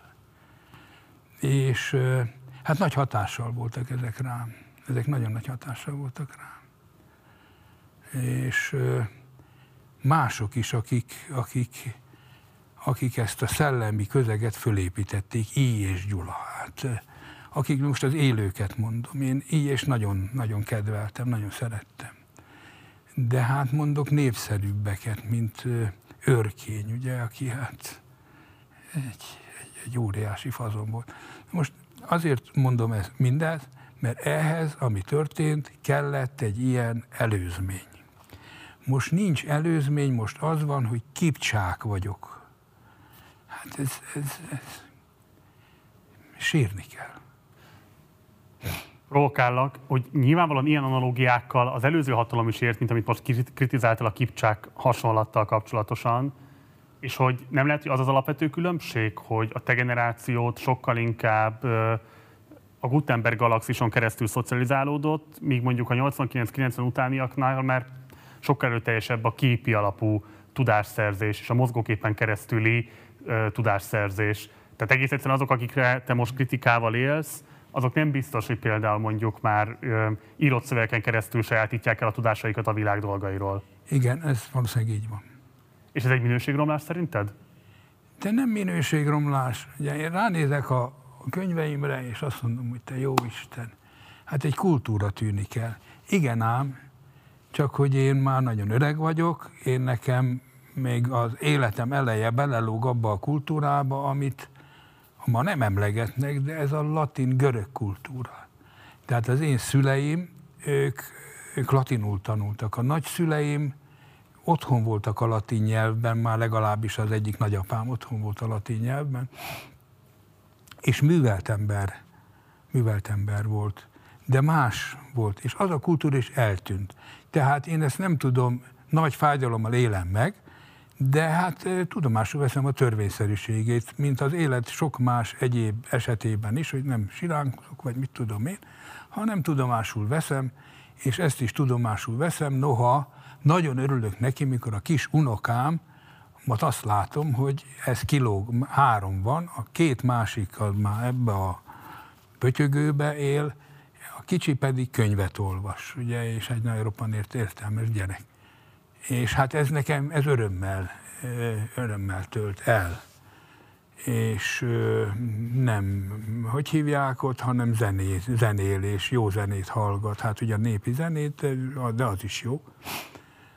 Jó népi zenét hallgat, és, és segedül, muzsikál, szóval vannak, és vannak, néha magam is elszégyellem magam, hogy olyan fénylő, fénylő elmék vannak, olyan, olyan okos emberek, olyan okos gyerekek vannak, akik így kinőnek, és, és csak bámulok, hogy, hogy ebben az oktatási rendszerben, hogy hogy szedik ezt mindezt magukra, és kitekintésük van a világra. És ezt, inkább ezt érzem nehezen magyarázhatónak. De igazad van, hogy véget vessek ennek a monológnak. Ugye valószínűleg az is belejátszik. De hát ez az új kultúra sincs felépítve. Ennek is hát valami, valamit kell, hogy tehát azt nem hiszem, hogy a kultúra, mint olyan, el fog tűnni. Azt nem hiszem. Hogy milyen kultúra lesz, erről nekem halvány dugóm sincs. azt tudom, hogy ez már nem lesz, azt is tudom, hogy valami lesz, de hát itt megáll az összes tudományom, fogalmam nincs. Fogalmam nincs. Nézzük meg egy bejátszást, meg érdekel akkor a véleményed, ugyanis a 2000-es években nyilatkoztál arról, hogy, hogy az internet használat az nem föltétlenül butítja el az embert, nem csak megváltoztatja az olvasási, olvasási szokásokat. Most mint egy kicsit azért ennek ellene beszélnél, nézzük meg, hogy hogyan beszéltél erről a 2000-es évek közepén, és aztán beszéljünk arról, hogy változott-e valamit a gondolkodásról. Hogy mielőtt a bejátszást megnézzük, én nem, én azt hiszem rosszul fogalmaztam. Nagyon belebonyolódtam a saját szövegembe, én is úgy gondolom, hogy nem. Tehát, hogy egy másik, egy kultúra elment, és ez egy kultúrát fog hozni, de hogy miért, azt nem tudom. Tehát én ezt nem, nem, nem mint egy fenyegető veszélyt gondolom ma se. Bocsánat. Akkor nézzük meg ezt. Jó. A hat, az ötös kérem. Hanem valamit hadd mondjak az internetről. Én régen, már mikor erről vita volt, akkor azzal érveltem az internet mellett, és a napilap mellett egyidejűleg, hogy az internet az egy olvasó-teremtő fórum. Azért, mert olvasni az ember pici korában tanul meg, nem akkor, amikor olvasni tanul, hanem amikor a szülei mesélnek neki. Tehát egy történetet el tud képzelni, és három bekezdéstől nem ijed meg később. Tudja, hogy van eleje a mondatnak, meg közepe, meg vége. És ez egy pótlólagos olvasóképző, tehát 10-12 éves korban a gyerekeket rászoktatja arra, hogy olvassanak, és ebből a legalábbis a reszli azért úgy fog működni, hogy szerintem könyv és újság és folyóirat olvasó lesz abból, aki megtanul akár késve is olvasni. Hát mégis igazad volt, ez egy hülyeség, amit mondtam. Nem ez következett be. Nem ez következett be. Az következett be, hogy a könyv, meg az olvasás, tehát a hosszú szövegek megemésztése, az mint készség praktikusan eltűnt. Eltűnt, nem nagyon látok én. De biztos vagy? Tehát az az unokád, aki pötyög, igen ő is lehet, hogy olvas szöveget, csak nem feltétlenül olyan szöveget, ami könyvben hozzáférhető. De rövid mondatokat. De hát nem egy bekezdést, hát ki az, aki ma egy, egy hosszú bekezdés? Ki az, aki el tud olvasni egy, egy Thomas Mann, hát ne viccelj már, hát egy féloldalas bekezdés, ugye? De hát akár mit tudom én, a zsidó, akár micsodát mondhatok. Hát itt, itt ezek, ezek nagyon nehéz mondatok, és ez nem szokik rá az agya arra, hogy, hogy hosszabb mondatokat olvasson, rövideket olvas. Tényközléseket olvas, nincs benne fejtegetés, az nem nagyon van, nincs, nincs háttere, szóval én, én ezt, ezt nagy, nagy reményem volt, de hát sajnos pofára estem. Ez a remény, amit itt megfogalmaztál a 2000-es években, ez mikor oszlott el? Hát apránként, a, nem én oszlattam el, a világ eloszlott. A világos, de mikor változott meg ez ezzel kapcsolatos felfogásod? Hát a felfogásom, rájöttem, hogy milyen hülyeséget gondoltam. Hát apránként.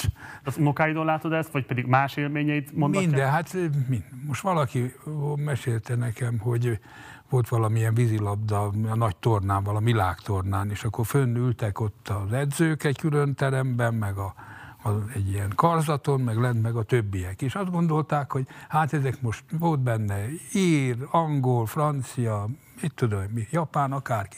Hát még milyen jól el fognak ezek most beszélgetni. És akkor lenéztek, mindegyik a vagy bütykölt. És a rövid tényközlés lett. Ez, ez hogy mondjam, ez, ez ellen ágálni egy nagy hülyeség volna, mert ennek nincs értelme. De bocs, azért értelme. hülyeség ágálni ellene, mert nem lehet megváltoztatni, vagy Igen. azért? Igen. De csak ezért? Hát akkor attól még lehet, hogy morálisan helyes fölkelni ellene. Hát nézd, morálisan fölkenni a lehetetlen ellen, ez nem... Jó, hát ez önkifejezésnek, a sors megélésének is volt ilyen a magyar történelemben. Nagyon sok tudjuk, e, legalábbis én úgy gondolom, hogy, hogy morális, csak morális alapja volt, de én meg megkérdezem azokat a morális tetteket, amiknek látszik a végük. És az, hogy lehetetlen, ez csak egy ilyen cirkuszi mutatvány, bocsánat, nem, ezt, ezt visszavonom. Miért vonod vissza? Hát azért, mert senkit nem akarok megsérteni, mert a morális mutatvány is mutatvány. Ki, én, én azt mondom, hogy kevés morális mutatvány. Csináljam meg én. Az értelmetlen morális mutatványt. Ugye? Tehát nem vagyok abban a erőpozícióban, hogy én sokat hivatkozhatnék arra, hogy én ö, vására vittem a bőrömet, vagy úgy vittem a vására a bőrömet, hogy csak morális alapja volt annak, amit, amit csinálok. Nézzük meg azt, amikor a közvélemény számára legalábbis jól beazonosíthatóan vitted vására a bőrödet. Nézzük meg azt, hogy hogyan neveztek ki téged főszerkesztőjévé a Népszabadságnak. A szakma számára legalábbis nyilvánvaló, hogy meglepetés a te kinevezésed. Az én számomra is meglepetés volt. Eddig Nem. a Népszabadság főszerkesztője szinte mindig egyfajta politikai átszállópálya volt.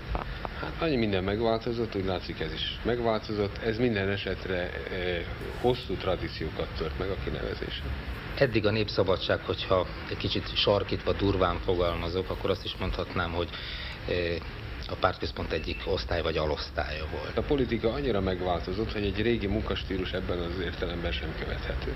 A múlttal való határozott szakítás érzékelhető, azt hiszem a lap külsején is, és bizonyos értelemben tartalmán is. Megyünk a politika után, és szeretnénk elérni azt, hogy a politika előtt menjünk.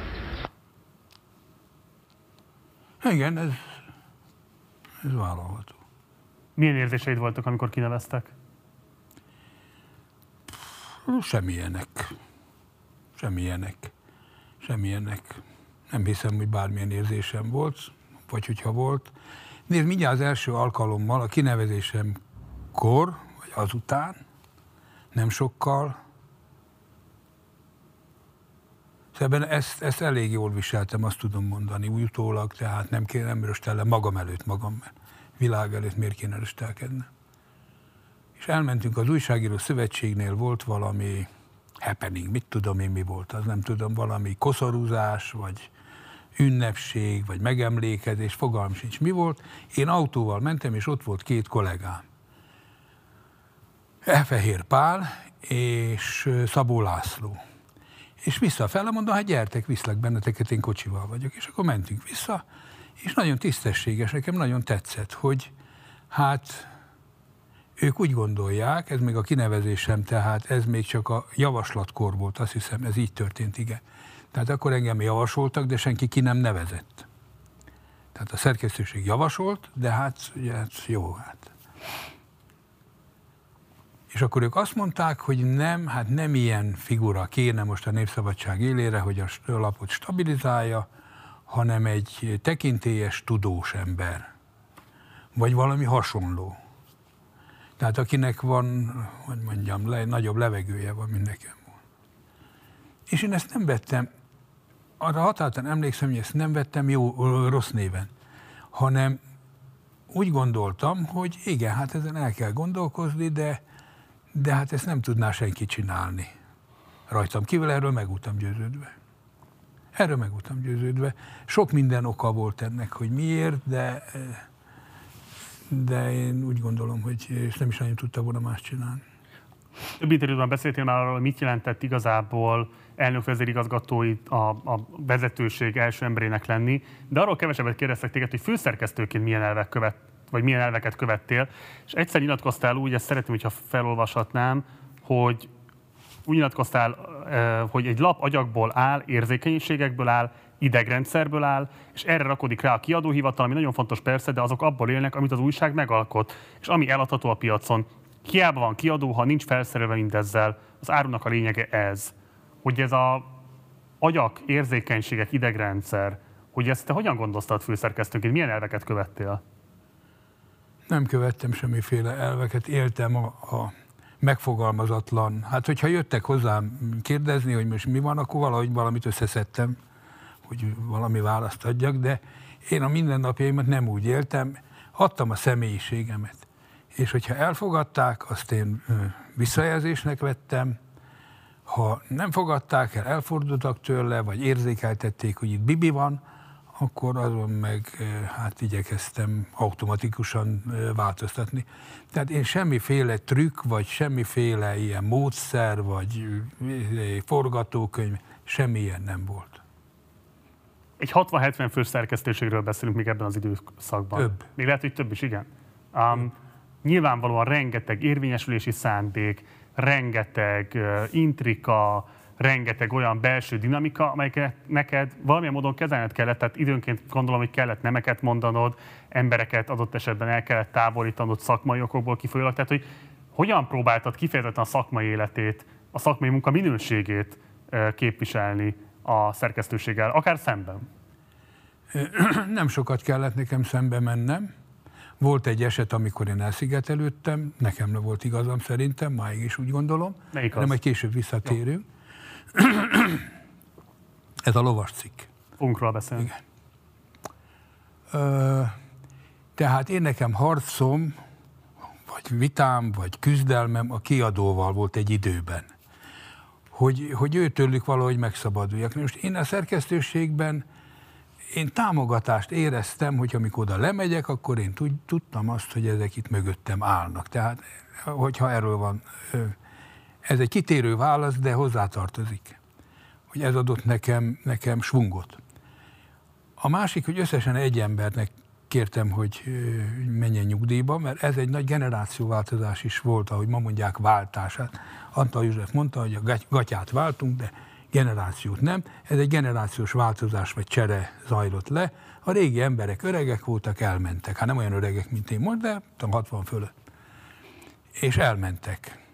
Nem kellett őket kérni. Nyugdíjazták, kérték a nyugdíjazásukat, vagy volt, aki máshova ment el, olvasószerkesztőnek, nem tudom.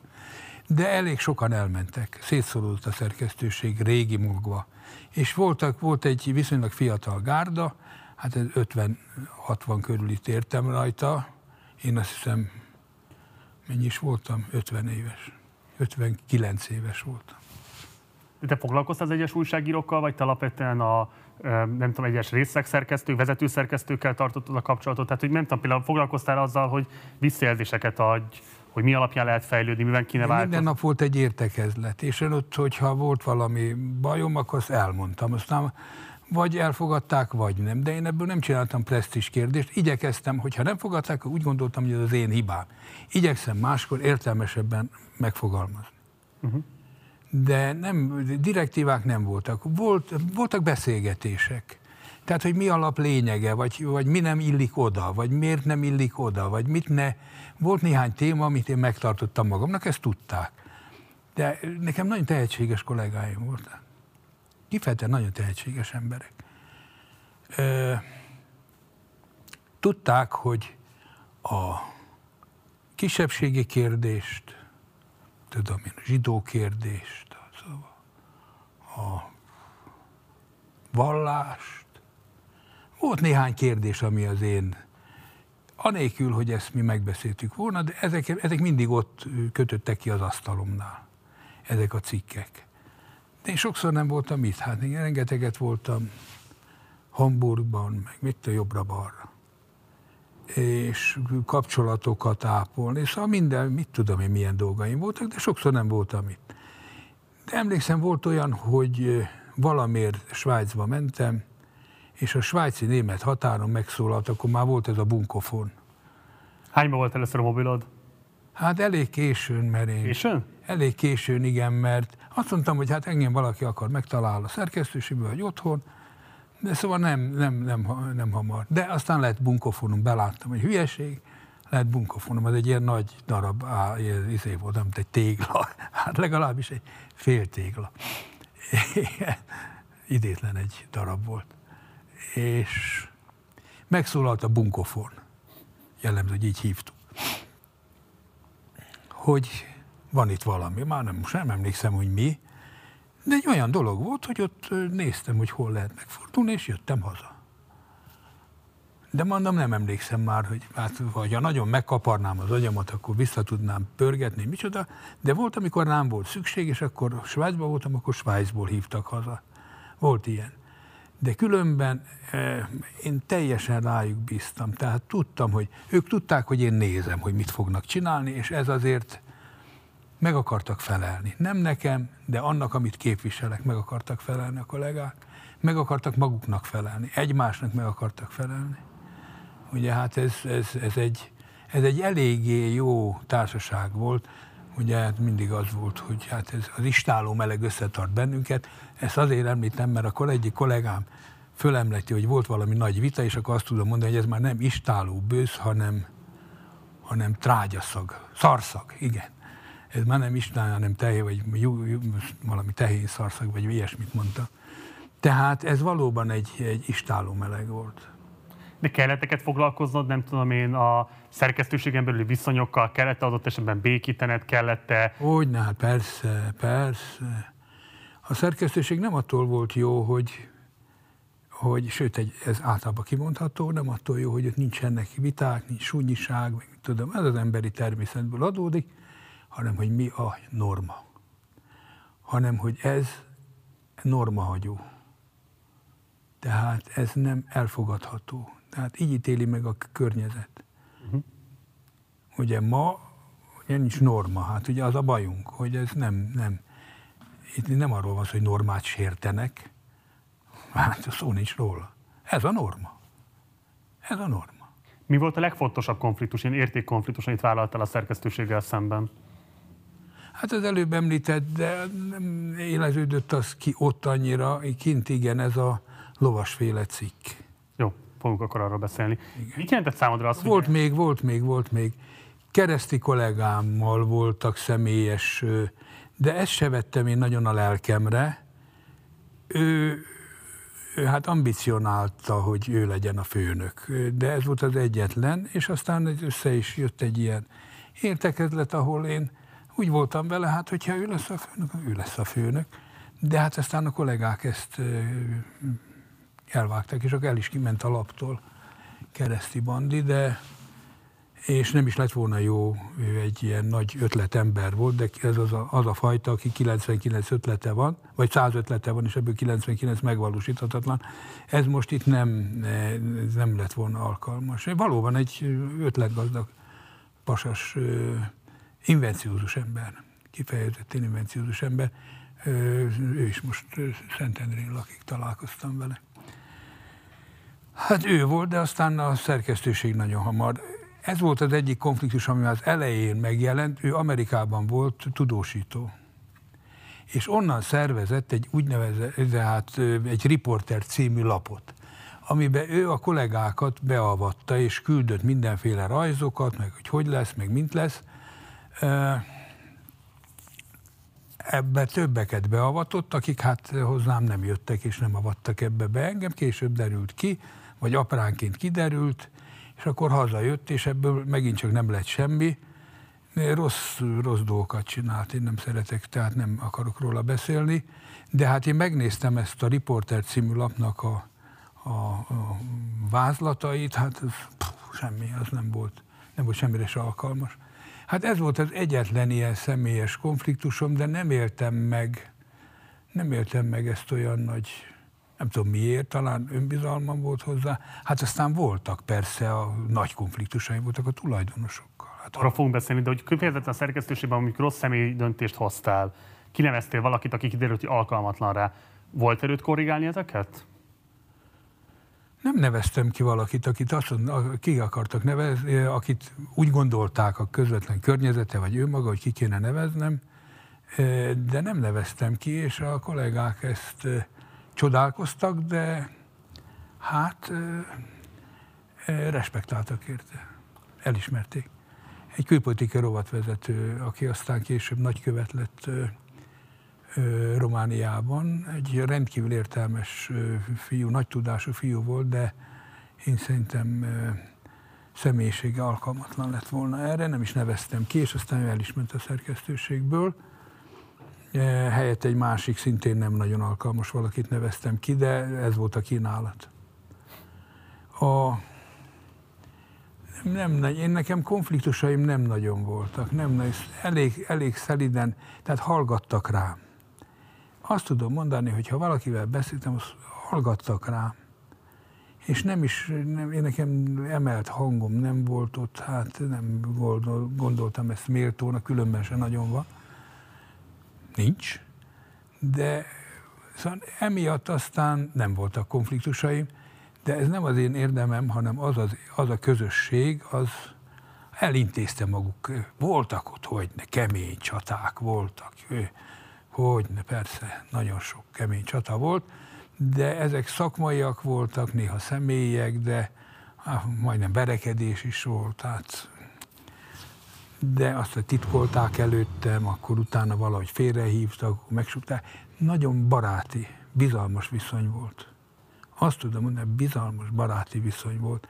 Nézd, ugye engem nem tudom hányszor választottak, 15 év alatt, nem tudom, de nem 15-ször, vagy illetve nem négyszer, eh, hogy kijöjjön a 16, hanem hát biztos 15-ször, mert mindig megerősítés, megerősítés, megerősítés, tehát én erre, erre adtam, hogy meg legyen erősítve a, a pozícióm, tehát a közösség akarata, az, az biztos legyen. Nem gondolták-e meg magukat, vagy nem váltam-e, tudom, hülyévé, vagy szóval nem csináltam. Úgyhogy sokat választottak. És ennek a legkisebb választási arány 100-ból 87 volt, 86. Hm. Tehát ez könnyű volt, mert a, a gyurma az alakítható volt. És nem csak én alakítottam, a gyurma alakította magát, meg a gyurmát alakította a külvilág, meg mindenféle.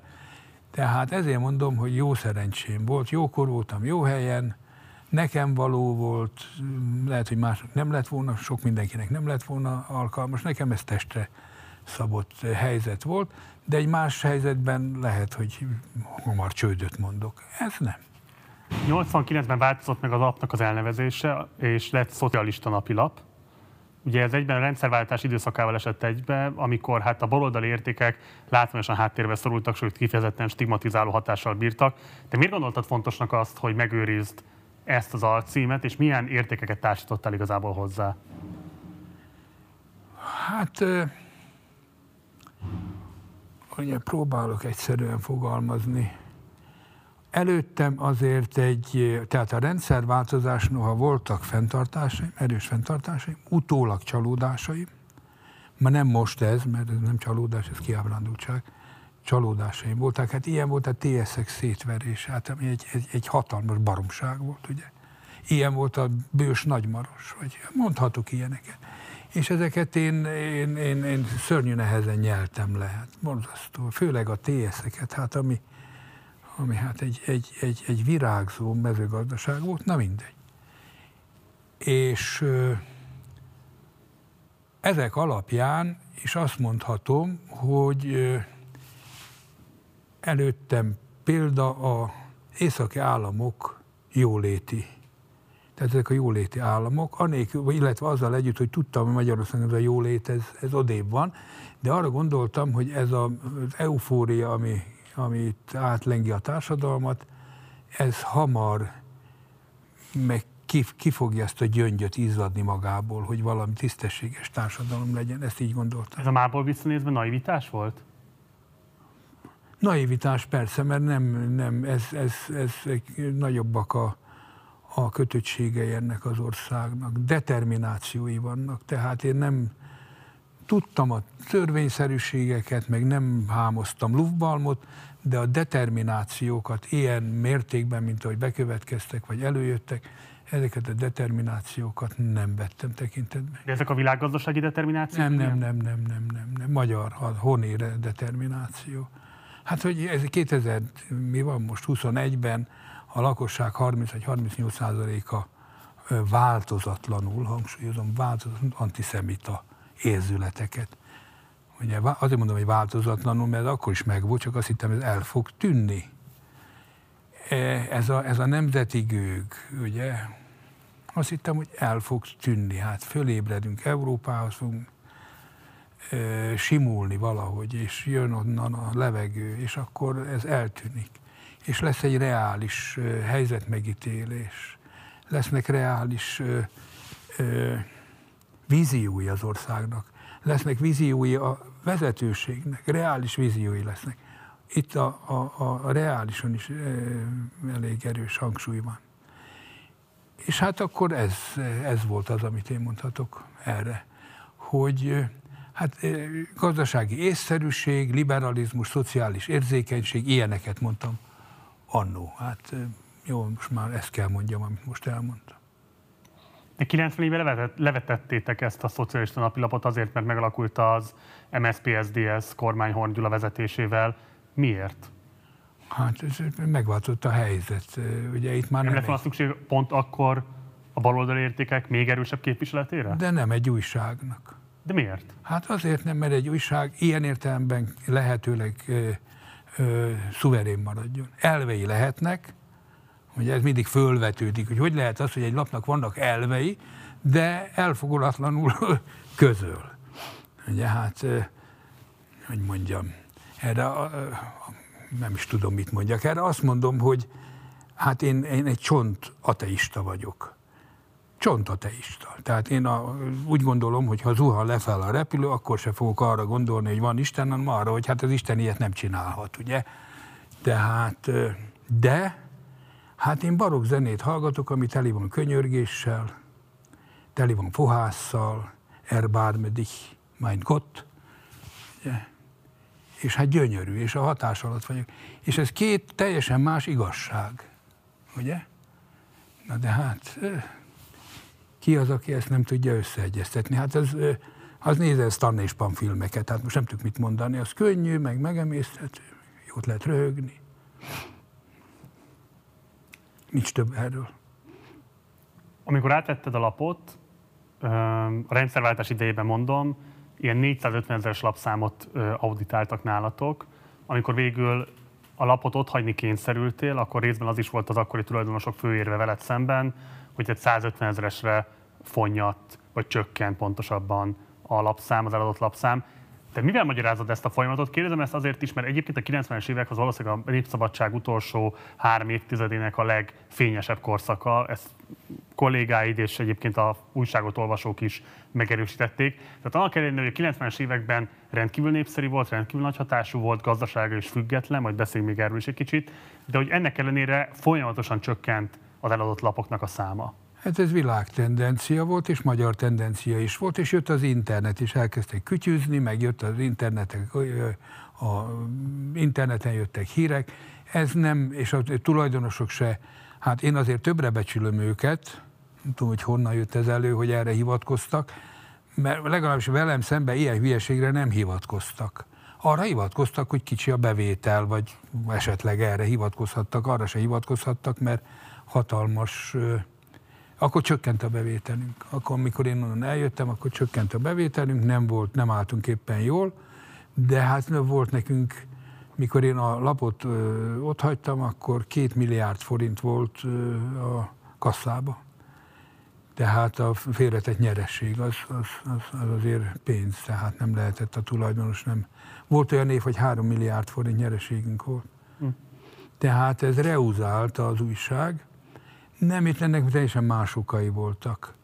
Ugye ez egy, ez egy lehetetlen vállalkozás volt a Népszabadság. Én hiába mondtam a kollégáimnak, egyszer meg is írtam talán, de lehet, hogy, hogy tévedek, mint hogyha, hát ez rímel egy kicsit a, a korhatalma, a körülmények hatalmára, ez a cím, de az illúziók hatalma. Az írtam egy ilyen cikket, emlékezetem szerint ahol én ezzel foglalkoztam, tehát megírtam a sajtóról az összes véleményemet, Hát többek között azt is, hogy ha nem is nyíltan, de ezt a kollégáimmal szemben akkor nyíltan megmondtam, hogy ez nonsens, hogy van egy tulajdonos, aki nem ura a tulajdonának. Hát ez gyerekek, ez nem fog így a végletekig menni. Hát persze, hát ez, ez, erre most föl kell készülni, hogy ilyen nincs. Tehát ez egy, ez egy olyan állat, amilyen nincs. Mert ilyet a tőke nem visel el, hogy hogy ugye megveszi, beteszi a pénzét, és akkor nem azt, hogy ki lesz a, ki lesz a hát olyan értelemben, hogy ezt azért tisztázzam, mert mondod, hogy késő, korán születtem, nem ők születtek későn, én születtem nagyon korán, tehát nem a néző született későn, hogy úgy volt ugye az alapszabálya a népszabadságnak, hogy korlátlan döntési lehetőségem volt. Tehát kinevezésekben, lapirányításban, tehát az egész lap az totálisan az én irányításom alatt volt, és hát gazdaságilag pedig hát volt egy, egy közgyűlés, ugye, minden részvénytárságnál, de hát ez sokkal inkább a felügyelő bizottság negyed évente megtartott ülése irányította gazdaságilag, ahol hát vagy én aztán néha, néha a vezérigazgató, mert olyan is volt, vagy tehát felváltva szóltunk hozzá. Én igyekeztem a gazdasági ügyeket inkább odébb tenni, hogy túl sok ne legyen nekem. Már úgy értem, hogy ne szerepeljek túl, amennyire lehet. Ilyen hajlam úgy látszik, biztos, hogy van mindenkiben, bennem is, és ez is mutatja, hogy sokat beszélek. És azokat oda, oda toltam az ő asztalukhoz, meg jó néven is vették, mert ugye nem velem kellett tárgyalni, akinek hát túl nagy izé, vállapom volt, hát nem, nem volt jó, nem volt jó.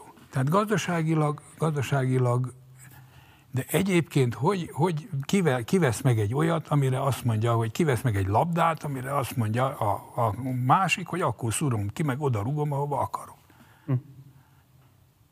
És azt csinálok vele, amit akarok. Hát ilyen nincs. Ez nincs.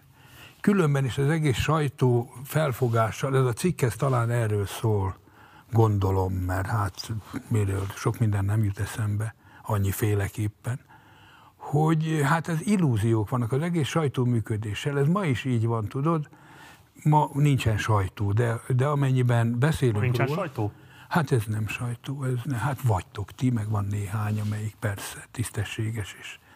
De hát van néhány, a népszava az kifejezetten, én szeretem a népszavát olvasni, nem is olvasok mást, mondtam neked. Tévét nem nézek, rádiót nem hallgatok. De sajtó abban az értelemben egy, ezt talán a Mózban, mikor ott voltam még, akkor, akkor próbáltam, és erre Hargitai Miklós vevő is volt, hogy ez nem azért van, de én már ezt a 80-as években mondtam, nem azért van, hogy minden újságíró azt pofázzon össze-vissza, amit akar. Ez nem sajtószabadság, ez a 19. században volt, amikor Petőfi, ugye, mindent ki, ki akarta nyomtatni a, a, a aktuális, hogy hívják itt, felháborodásait, meg mások is. De ez nem ezért van. Nem beszélve arról, hogy ez kapott ez a felfogás, ugye egy őrült pofont, nem baj, hogyha most el... Ne, persze. Mert ez, ez, ez, ez fontos. Ezt el akarom mondani. És ugye Amerikában nagyon hamar kiderült, hogy hát persze, hát mindenki elmondhatja, csak éppen pénz kell hozzá. És akinek több pénze van, az több, az elmondhatja ő helyette is, meg azt is megveheti. De hát itt van az angol sajtó, tudjuk, hát így jöttek létre a bulvárlapok, tehát e között persze volt egy egyensúly, társadalmi egyensúly, úgy értem, tehát amit a társadalom tolerált, meg nem tolerált, ugye, tehát ehhez, ehhez alkalmazkodni kellett, de összességében a pénz, a tőke ezt fölülírta, ezt a 19. századi eszmét.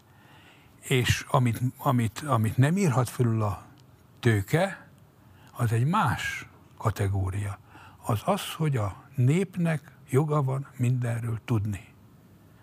Ez más. Tehát én a nép felől, a tömeg felől, a társadalom felől, az emberek felől, vagy mit a magyar emberek felől, hogy jobban hangzik, közelítem ezt meg, hogy a sajtószabadság valódi tartalma az az, hogy az emberek tudhatnak mindenről, ami a politikában, a közéletben történik. Nekik ez elég idegeníthetetlen eh, társadalmi joguk. És ennek az újságíró hát egy kis szolgája. Magam is az voltam. Ez egy jó, egy, egy hogy hívják, egy figura. De egy közvetítő figura, bizonyos önállósággal persze, tehát most nem akarom bezárni magunkat egy ketrecbe, tehát ennek megvan a relatív szabadsága, természetesen megvan, de amikor erről beszélnek, hogy a sajtó szabadság, és akkor mögötte az a gondolat van, hogy mert mindenki megírhatja. És a rendszerváltozás idején, mondhatom még? A rendszerváltozás idején én mentem le szerkesztőségekbe, mert ott már a népszabadságot, vidéki szerkesztőségekben a népszabadságot már csodálták, hogy hogy a fenébe, hát hogy csináljuk. És akkor hívtak le, tudom, Veszprémbe, Zalába, több felé voltam, Miskolcon, sok szerkesztőségben voltam. És azt a naivitást, hogy ezt az egészet elképzelték, te valami végtelen tudatlanság, hogy eladnak bennünket, meg megvesznek bennünket, meg Szóval valami totális tudatlanság. Ez miért naivitás, vagy miért tudatlanság? Hogy el, megvesznek bennünket? Hát mert nem őket, nem őket akarták megvenni, meg hogyha megvesznek bennünket, akkor nem azt fogom írni, amit, amit én éppen kitalálok. Hát ezek úgy képzelték, hogy de akkor azt attól kezdve én azt írom, amit akarok. Ugye, hát ez nem így van. Persze. Hát ennek korlátai vannak. A tulajdonviszonyok rendszeréről a koraveri 90-es évek elejé magyar sajtó semmit nem tudott? Nem, hát nem, hát fogalmuk se volt. Hát nem nagyon. Mi, Mindjárt, mit tudtak egy részvénytársaságról? Hát mit tudtak egy részvénytársaságról? Hát a KFT-kről már többet talán, mert azok ugye működtek ilyen mindenféle eh, leánykori néven is, meg mindenféleképpen működtek, de hát az, hogy egy részvénytársaság hogy működik, hogy milyen részvény, és ott az, az hogy, hogy, hogy működik, hát erről mi egy lapnak a tulajdonlása, hát ez, erről nem tudtak. És ugye Hadd nevezzem meg a helyet, de most visszaemlékszem egy, egy szerkesztőségre, ahol, ahol az volt, hogy a, azt ajánlottam a kollégáknak, hogy vegyenek részvényt. És tehát a privatizáció során maguk is legyenek tulajdonosok, és ezzel a tulajdon működését próbálják meg befolyásolni, és olyan magasan próbálják meg tartani a saját pozíciójukat, amennyire lehetséges. Nem tudom, hogy ez érthető. Igen. Hát ezt meg is csinálták, és találkoztam egy kollégával, valahogy csomó részvényt vettek, találkoztam egy kollégával, és kérdezem, hát mi van, hogy van, hogy vagytok minden? Hát ezt mondja, most jobban, eladtam a részvényeimet, és vette az asszony karácsonyra hűtőgépet, mosógépet, mit tudom mi az. Eladta a részvényeit. És mert hogy kétszer annyit kínáltak érte. Hát valami szírva, szóval valami ja. izé, rongy, áron vette a részvényt, és akkor kétszeresét kínálták. Ez egy Dunántúli szerkesztőség, nem nevezem meg. De akkor igazából a ti versenyelőnyöteket az adta, hogy te ezekkel a piacgazdasági kényszerekkel ö, sokkal előbb voltál tisztában, mint bárki más az országban. Most a sajtót értem ez alatt. Ja. Voltak, akik tisztán láttak. Hát mit tudom én, most hirtelen mondok valakit, hát akinek ehhez képzettsége, esze, tájékozottsága, olvasottsága van, Vince Matyi biztos tudott mindent. De ezeket tudta, másképp látta, meg máshonnan látta, de mondtam valakit. Nem voltam én ennyire unikális ebben. Mondjuk ezt a szférát, ezt én jól ismertem. Tehát ezt még annál több is, hogy jól éreztem, én ezt átéltem. Tehát bele tudtam magam élni, és azt szerint, azt szerint viselkedtem ezt lehet mondani, hogy ezt, ez, ez olyan volt, hogy én ebbe a közegbe tudtam úszni. Tehát nem egyszerűen tudtam, hogy hogy folyik a víz, hanem beledobtak, és akkor abban nagyon jól tudtam úszni. Na, és hogyha ez a képességed meg volt, akkor mi történt? Az, azért kérdezem ezt, mert 90-es évek második felében te is mondtad, hogy hatalmas nyereségetek volt. Ugye pont a Grüner gyár, akik a Bertelsmannon keresztül szintén a tulajdonosi körbe tartoztak, ott volt egy figura, Günther Giffers, jól mondom a nevét? Okay és ő fogalmazta meg egyszer, hogy annyi pénzzel, amivel ti rendelkeztek, igazából bankot kéne alapítani, és nem pedig sajtóterméket működtetni. Lehetett tudni azt, hogy voltak tervek televíziócsatorna indításáról, rengeteg fajta befektetés terve állt elő, de végül ezekből semmi nem lett, sőt, ami ennél történetileg nézve valószínűleg súlyosabb, hogy a vágási férjével élve, az internetbe se szálltatok be ideje korán, tehát gyakorlatilag elment mellettetek az internettó, elment mellettetek az index. Miért nem tudtatok jobban élni ezzel a többlettel, ami rendelkezésetekre állt egy olyan időszakban, amikor alapvetően nagyon tőkeszegény volt, például a sajtópiac is? Giffelsnek igaza volt, ő egy német igazgató volt itt, a németek tették ide, hogy, ne, hogy legyen valaki német is a hármas tagú, három tagú igazgatóságban, három tagja volt az igazgatóságnak, egy nagyon kiváló ember volt, megtanult jó magyarul. Tényleg? Igen, megtanult magyarul, nagyon érdekes volt, mert meséltem valakinek, hogy itt magyarul lehetett mindent beszélni, magyarul beszéltünk, elértünk Ferihegyre, mi gyakran jártunk ki Hamburgba. És akkor ott, nem tudom, annélkül, hogy beszéltünk volna, átváltottunk németre, és akkor Hamburgban mindenütt németül beszéltünk, mikor hazajöttünk a repülőtér ajtajába, elkezdtünk magyarul beszélni, szóval ez utólag esett le, hogy Szóval ennyire, el, ennyire hozzánk nőtt, és nagyon szerettük, és nagyon szeretett ő is bennünket. És ebbe igaza van. Ezt el kellett mondanom az ő dicséretére. Hogy miért nem? A tulajdonos ezt sose érezte a magáénak. Giffels próbált rádiót, Giffels próbált, olvastam valakinek a, a csak már én meg nem tudom, egy interjút sorozatban, hogy mi nem kapcsolódtunk az internetre. Ennyi hülyeséget hogy lehet összehordani, mondtam én magamban. Persze nem tudja az illető, de hát itt meg nem, össze volt kötve kezünk, lábunk. Hát én mondok ennél egy, egy, egy rosszabbat. Az én e, nagy ambícióm az, e, hát egy, egy olyan kezdeményezés lett volna, amit én változatlanul azt mondom, hogy ezzel hihetetlen pénzeket lehetett volna keresni. Én ilyen hegyi, jövő ember vagyok, meg ilyen, ilyen síelő, meg minden, tehát szabadidő sportokat, ezeket én űzöm, vagy többet, és affinitásom van. És egyszer eszembe jutott, hogy kellene egy olyan beléget csinálni, ugye én a Montexet láttam, aminek biztos ismered a, ezt a céget, ez egy kis üzlet volt az ülőút elején. Egy kis bótocska volt, amikor oda kezdtem járni. És éreztem, hogy ebben hihetetlen nagy feszültség, üzleti lehetőség van ebben a sportszerben, lovaglás, hogy hívják, peca, túrázás, hegymászás, frikszamásás, bicikli, mind az egész, síelés, minden. És én azzal álltam elő, hogy kéne egy olyan beléget csinálni, egy olyan behúzott újságot csinálni, amelyik a szabadidős sportokat, amelyiknek a szabadidős sportok a, a témája, és egy képes újság, és ahhoz lehet hirdetést szerezni, és hogyha ez elindul, akkor tehát még rizikó sincs benne, mert akkor lehet szétválasztani, hogy a lovaglóknak, egyik héten a lovaglóknak írunk, vagy csütörtökön a lovaglóknak, pénteken a, behúzunk a bicikliseknek. Ez egy hatalmas iparág lett. És hát én mindent megtettem, hogy ezt, ezt mi létre tudjuk hozni. Nem, nem, kezdeményezésről nem lehetett velük beszélni. De bocs, azért nem, mert ők kivitték a profitot, és nekik kellett a készpénz? Nem, nem, nem. Vagy pedig azért, mert nem akartak többlet kockázatot vállalni, nem látták ennek a szakmai indokoltságát? Egyik se ők sértve érezték magukat, hogy nem ők mondják, tehát hogy ha ezt ők mondják, akkor persze pillanatok alatt meg lehetett volna csinálni, de nem ők találták ki. Ez a más találta ki. Ez, a, ez az ő, hogy mondjam, autoritásukat sértette, és ez, ez több volt, mint az üzleti érdek, mert a Népszabadság a Grunerund jár üzleti könyveiben, hát nem volt jelentéktelen, azért nem volt jelentéktelen, de hát nem volt egy ász, ugye?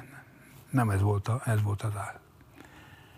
És ezt, ezt nem tudom. És a többit se. Minden valahogy elhalt, ahogy, bocsánat, ahogy annak idején mondtunk, mint puskagolyó a tehén szarba. Elhalt. Nem, nem lehetett. Tehát ez, ez, ez, ez nem... Most itt egy kölcsönös egymásra utaltságot véle felfedez, mert azt mondtad, hogy személyzeti kérdésekben neked teljes hatalmad volt. Ugyanakkor például a szakmai stratégia alkotás tekintetében neked még annyi lehetőséget sem volt, mint egy átlag igazgató tanácsi elnöknek, bármely más sajtótermék esetében. Ehhez pénzt kellett volna a küldő, a, a felügyelő bizottságon, vagy a, a közgyűlésen pénzt kellett volna megszavazni ehhez. Tehát ez egy gazdasági tevékenység lett volna, amiben természetesen nekem, hát egy részvénytárság volt, hát ott szavazat volt, ott 40 százalék, 60 százalék, vagy 49 százalék, nem tudom mennyi, ilyen szavazatok voltak, ezeket a szavazatokat érvényesít, érvényre juttatták, és nem szavazták meg. Nem szavazták meg. És lebeszélték a másikat is, hogy erről, erről szavazzon.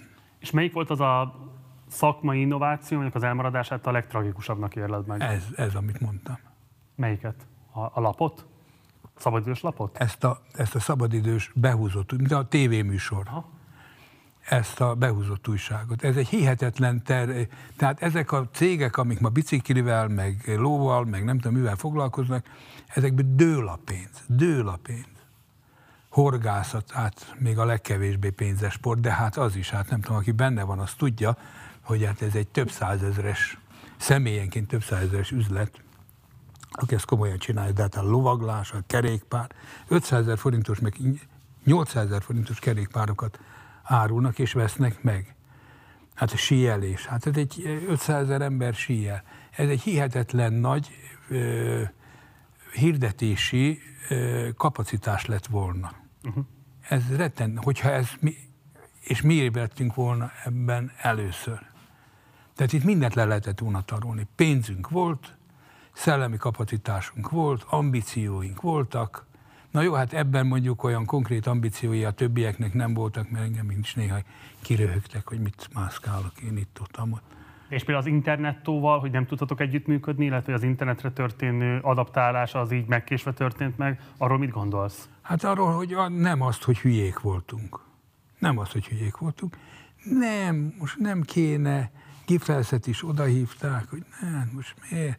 Nem tudták ők se a jövőt, ugye, szóval nem, nem volt, az egészhez nem volt kanaluk, ezt ma úgy mondják, nem volt kanaluk hozzá. Nem volt kanaluk hozzá? Kanaluk, igen, ezt, ezt mondták, nem, nem csípték, nem, szóval nem kell.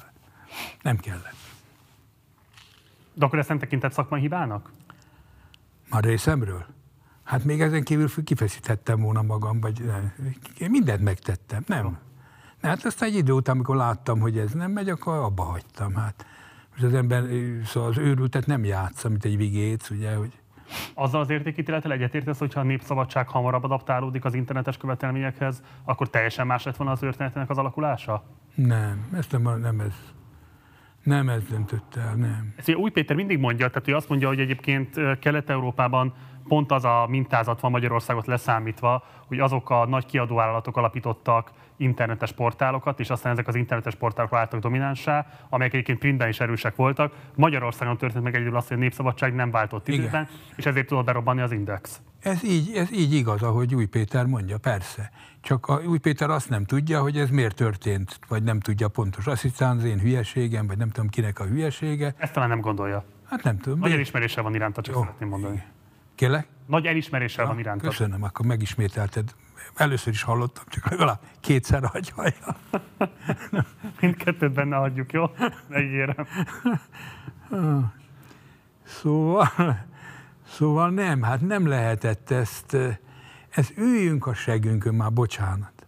Maradjanak, csak hozzák a hirdetést, hirdetés, minél több hirdetést, őket ez érdekelte. Slussz, semmi fejlesztés, semmi internet, tévé, rádió. Bocsánat, ott volt ez a rengeteg ménkusok ö, nyeresség. Ha ezt nem vitték ki, hogy te mondod, akkor mégis miért volt rá szükség? Hát, hogy majd egyszer kiviszik, meg a könyvekbe szerepelt. Hát azért tudod, ott ő, nekik oda kellett menni az év végén, el kellett számolni, és akkor ott volt egy nagy, izé, ott volt egy, volt egy nagy összeg, ami hát az ő könyvelésüket gazdagították. akarták, hogy fektesítek be valamibe, valami konzervatív Nem. semmi. Egyszer elvittem őket, hát sok, sok, sok trükköm volt. Egyszer elvittem őket a Hármas Határ hegyre, valami, mindegy, egy előadásra, teljesen mindegy, ott valaki németül beszél. És a szünetben kijöttünk, ott van egy vendéglő, Hármas Határhegy tetején, és akkor lenéztünk a városra. Hát gyönyörű volt a város, este volt, rengeteg fény villódott. És odaint engem az egyik német, hogy hát ötvös úr, tudja, mi jut nekem itt eszembe? Hát azt hittem, hogy majd valami a városról, valami. Ez mind hirdető. Ezt kéne megfogni. És hülyeségekbe is akartak bennünket bekergetni. Hát ilyen volt például az, hogy budapesti lap legyen. Ez például, hogy hívják, volt, a veszőparipájuk volt. A veszőparipájuk volt. Semmi oka nem volt. A másik az volt, hogy, hogy tehát nem, a, ugye azt mondják, a tőke racionálisan működik, egy frász működik racionálisan, az ember nem működik racionálisan, aki a tőkén ül. Van valami racionalitása, de nem a tiszta ráció. Hmm. Tehát ez a, ez a, ez a budapestiség. A másik, amin én rengeteget, és az én eljövetelemnek az egyik oka ez volt, nem a, hogy hát legyen önálló terjesztő hálózatunk. Egy Fige nevű cég, amelyiknek az autóit ma lehet látni itt Budapesten, mindenfele jön, megy. Egy Fige nevű cég, hát legalább három alkalommal adott le tervet, hogy szálljunk át, és ők terjesszék az újságot, ami egy, egy nagyon lényeges egy újság működése szempontjából. És akkor én hiába mondtam, hogy na de hát uraim, vagy a Dresdában hogy működik? Mondom, uraim, hát próbálják meg, menjenek el, vegyük el a postától a terjesztést, ugye, mert a posta terjesztette. Hát mondom, elmennek itt Óbudán egy lakótelepre, és azt mondják, hogy kérek még egy kulcsot, mert az én terjesztőm, én nekem is van egy terjesztőm, és az majd kinyitja és bedobja az újságokat a postaládába, Hát ez lehetetlen. Hát a postás fogja először megfarag, megfúrni, mert azt fogja mondani, hogy ez mindenfélét összelop, ugye? Hát nem beszél, hát a kenyerét vettük el. Hát a postás megakadályozza, eleve. Nem tudom, hogy érthető meg elége. Nem kellene többen. Na hát most mondd meg, ezt évekig magyarázni, és mégse, mégse jön össze. Tehát az a csillanás, amit látok, hogy hát persze, hát ez egyszerű, nem? Hát persze, hogy egyszerű, de nem akarták megérteni, és valaki nem akar valamit megérteni, az nem fogja megérteni. Így aztán a Fige, hogy hívják ukat, már a végén arra emlékszem, hogy volt egy ilyen, egy ilyen megbeszélés, és a Fige ö, ekkora dossziékat, ott már három volt egymás mellett, már nyilván persze mi csináltunk egy csomót. És hát ez volt például az egyik, egyik veszőparipájuk. Kerestek mindent, valamit, amit, amit, amiben bebizonyítják, hogy én nem, nem gondolkodom modern módon, vagy üzleti módon, vagy... Szóval keresték rajtam a fogást. Hát nem nagyon találták meg, én nem azt mondom, hogy megtalálták, nem, néha nem találták meg, illetve néha, néha megtalálták, néha többnyire nem találták. Nézzük meg most néhány olyan um, konfliktust a főszerkesztői pályafutásoddal kapcsolatban, amelyekre kíváncsi a mostani reflexióidra. Most nézzük meg először azt, hogy a négy igenes népszavazás, ez rögtön igazából a főszerkesztői kinevezésed után zajlott le. Kapcsán volt egy kampánycsendsértési botrány, nem tudom, emlékszel erre. Nézzük meg erről egy híradó bejátszást, és aztán beszélgessünk erről. Népszabadság is elkövetett Kicsit több hangot kérünk? Mert nem tudom, hogy jó jogi kifejezést használnak -e egyáltalán, szóval egy jogsértés. Legalábbis ami a Csurka Istvánnal készített interjút illeti, abban a már tiltott napon nyílt politikai agitáció volt ezúttal a szavazás ellen. Hogy kerülhetett ez alapba? Ugyanazon a napon, amikor megjelent a Csurka interjú, megjelent a négypárti sajtótájékoztató anyaga is, amit viszont az előző nap annak tudatában tartottak, hogy ez a következő napokban meg fog jelenni. Következő napon meg fog jelenni a lapokban, hiszen ennek ez volt az értelme.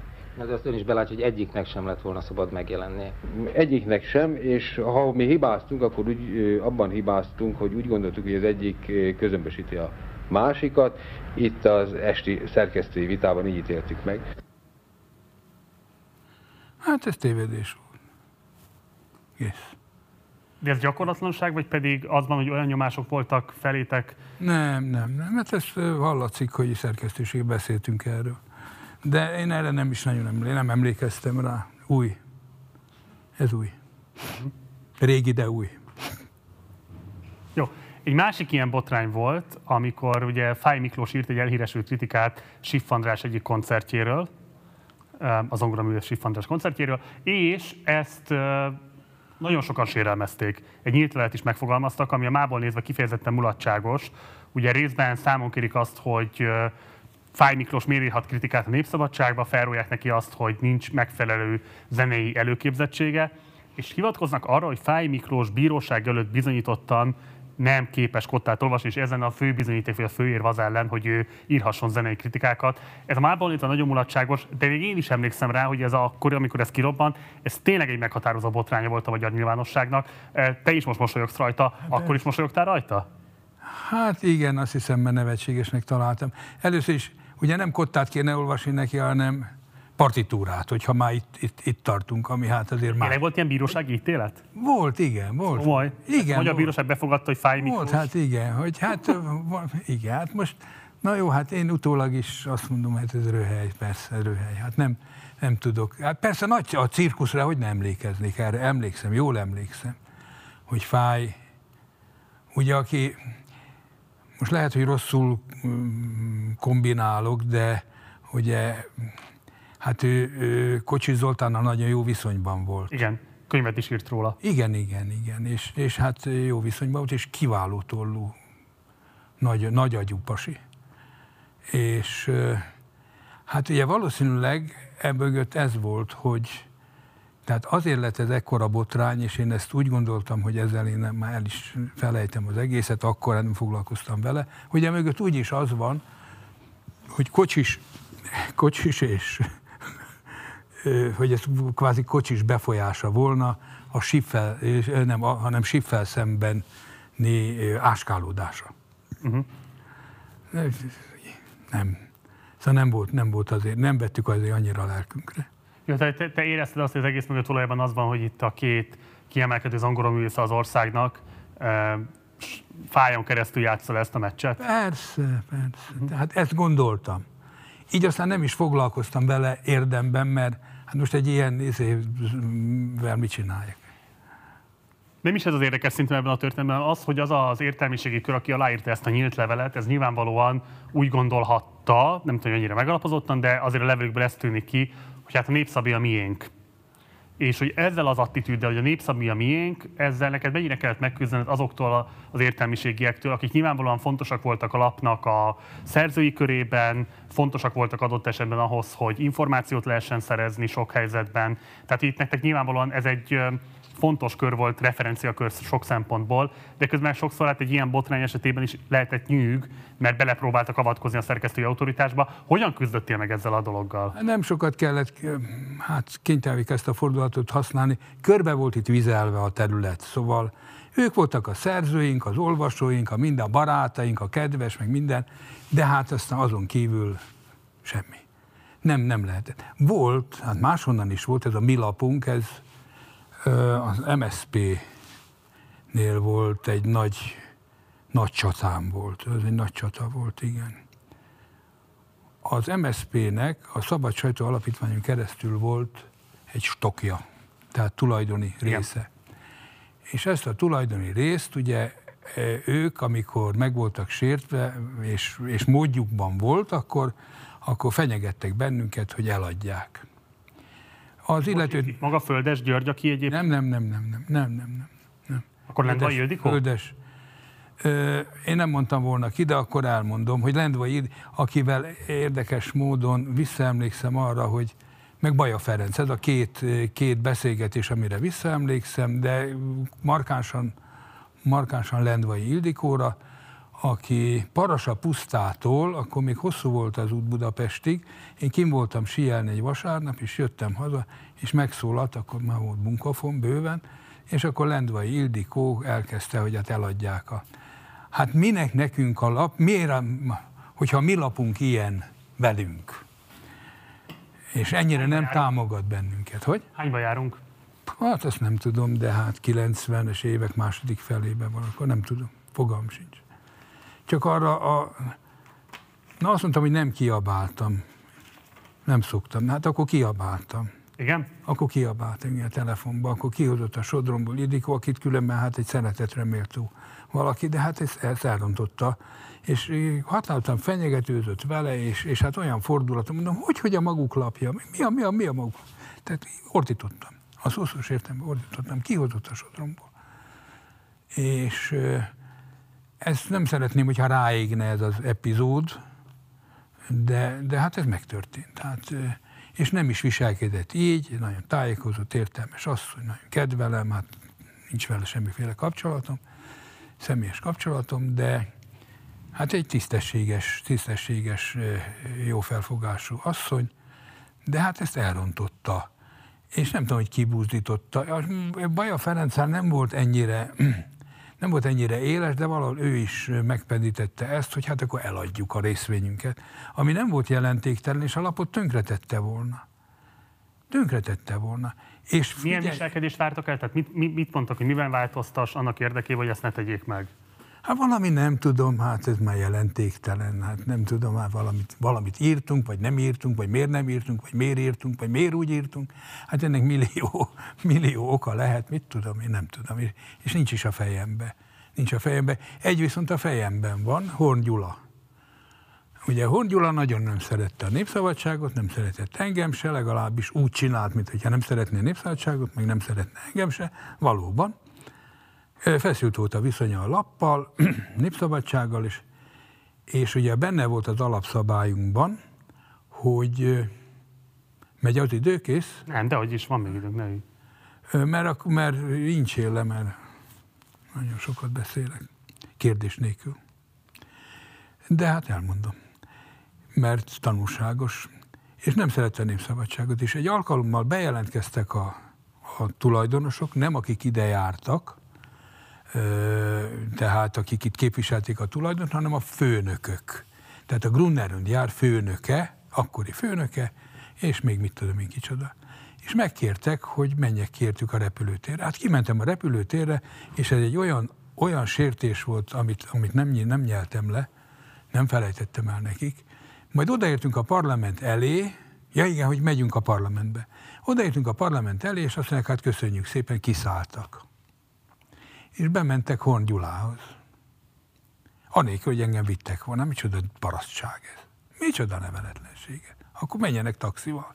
Hát hogyan? Na mindegy. Nem is kaptam ilyet tőlük. Nem. Ez bocs, akkor itt, itt, itt Hongyula játszottak jelenedőket, vagy pedig ők... Nem, várjál, folytatódik a történet. Mint kiderült, utólag kértek Horntól egy időpontot, és Horngyula ezt az időpontot mondta nekik, amikor oda is érkeztek. De én nekem ezt nem mondták, csak mondták, hogy Horngyulához, tehát, hogy mi előtte bizony, csak Horngyulához van egy időpontunk, és én azt hittem, hogy akkor megyünk hárma, hát ez nagy, vagy négyen, vagy mányan voltunk, mit tudom én. Hárma, négyen. Fölmegyünk. És hát akkor úgy búcsúztunk el egymástól, hát mint egy taxistól, ugye, hogy nehezen nyelni, még rossz visszagondolni is rá, megaláztató, megalázó, hogy hát majd ők, hogyha ha végeztek, akkor, akkor szólnak, és menjek elértük, és vigyen be őket a szerkesztőségbe. Hát én nekem lila lett a fejem, hát de ezt magam alá gyűrtem, ezt az összes haragomat, sértettségemet, megalázottságomat, mert hát miről beszélnek Hongyulával? Hátam mögött, nélküle.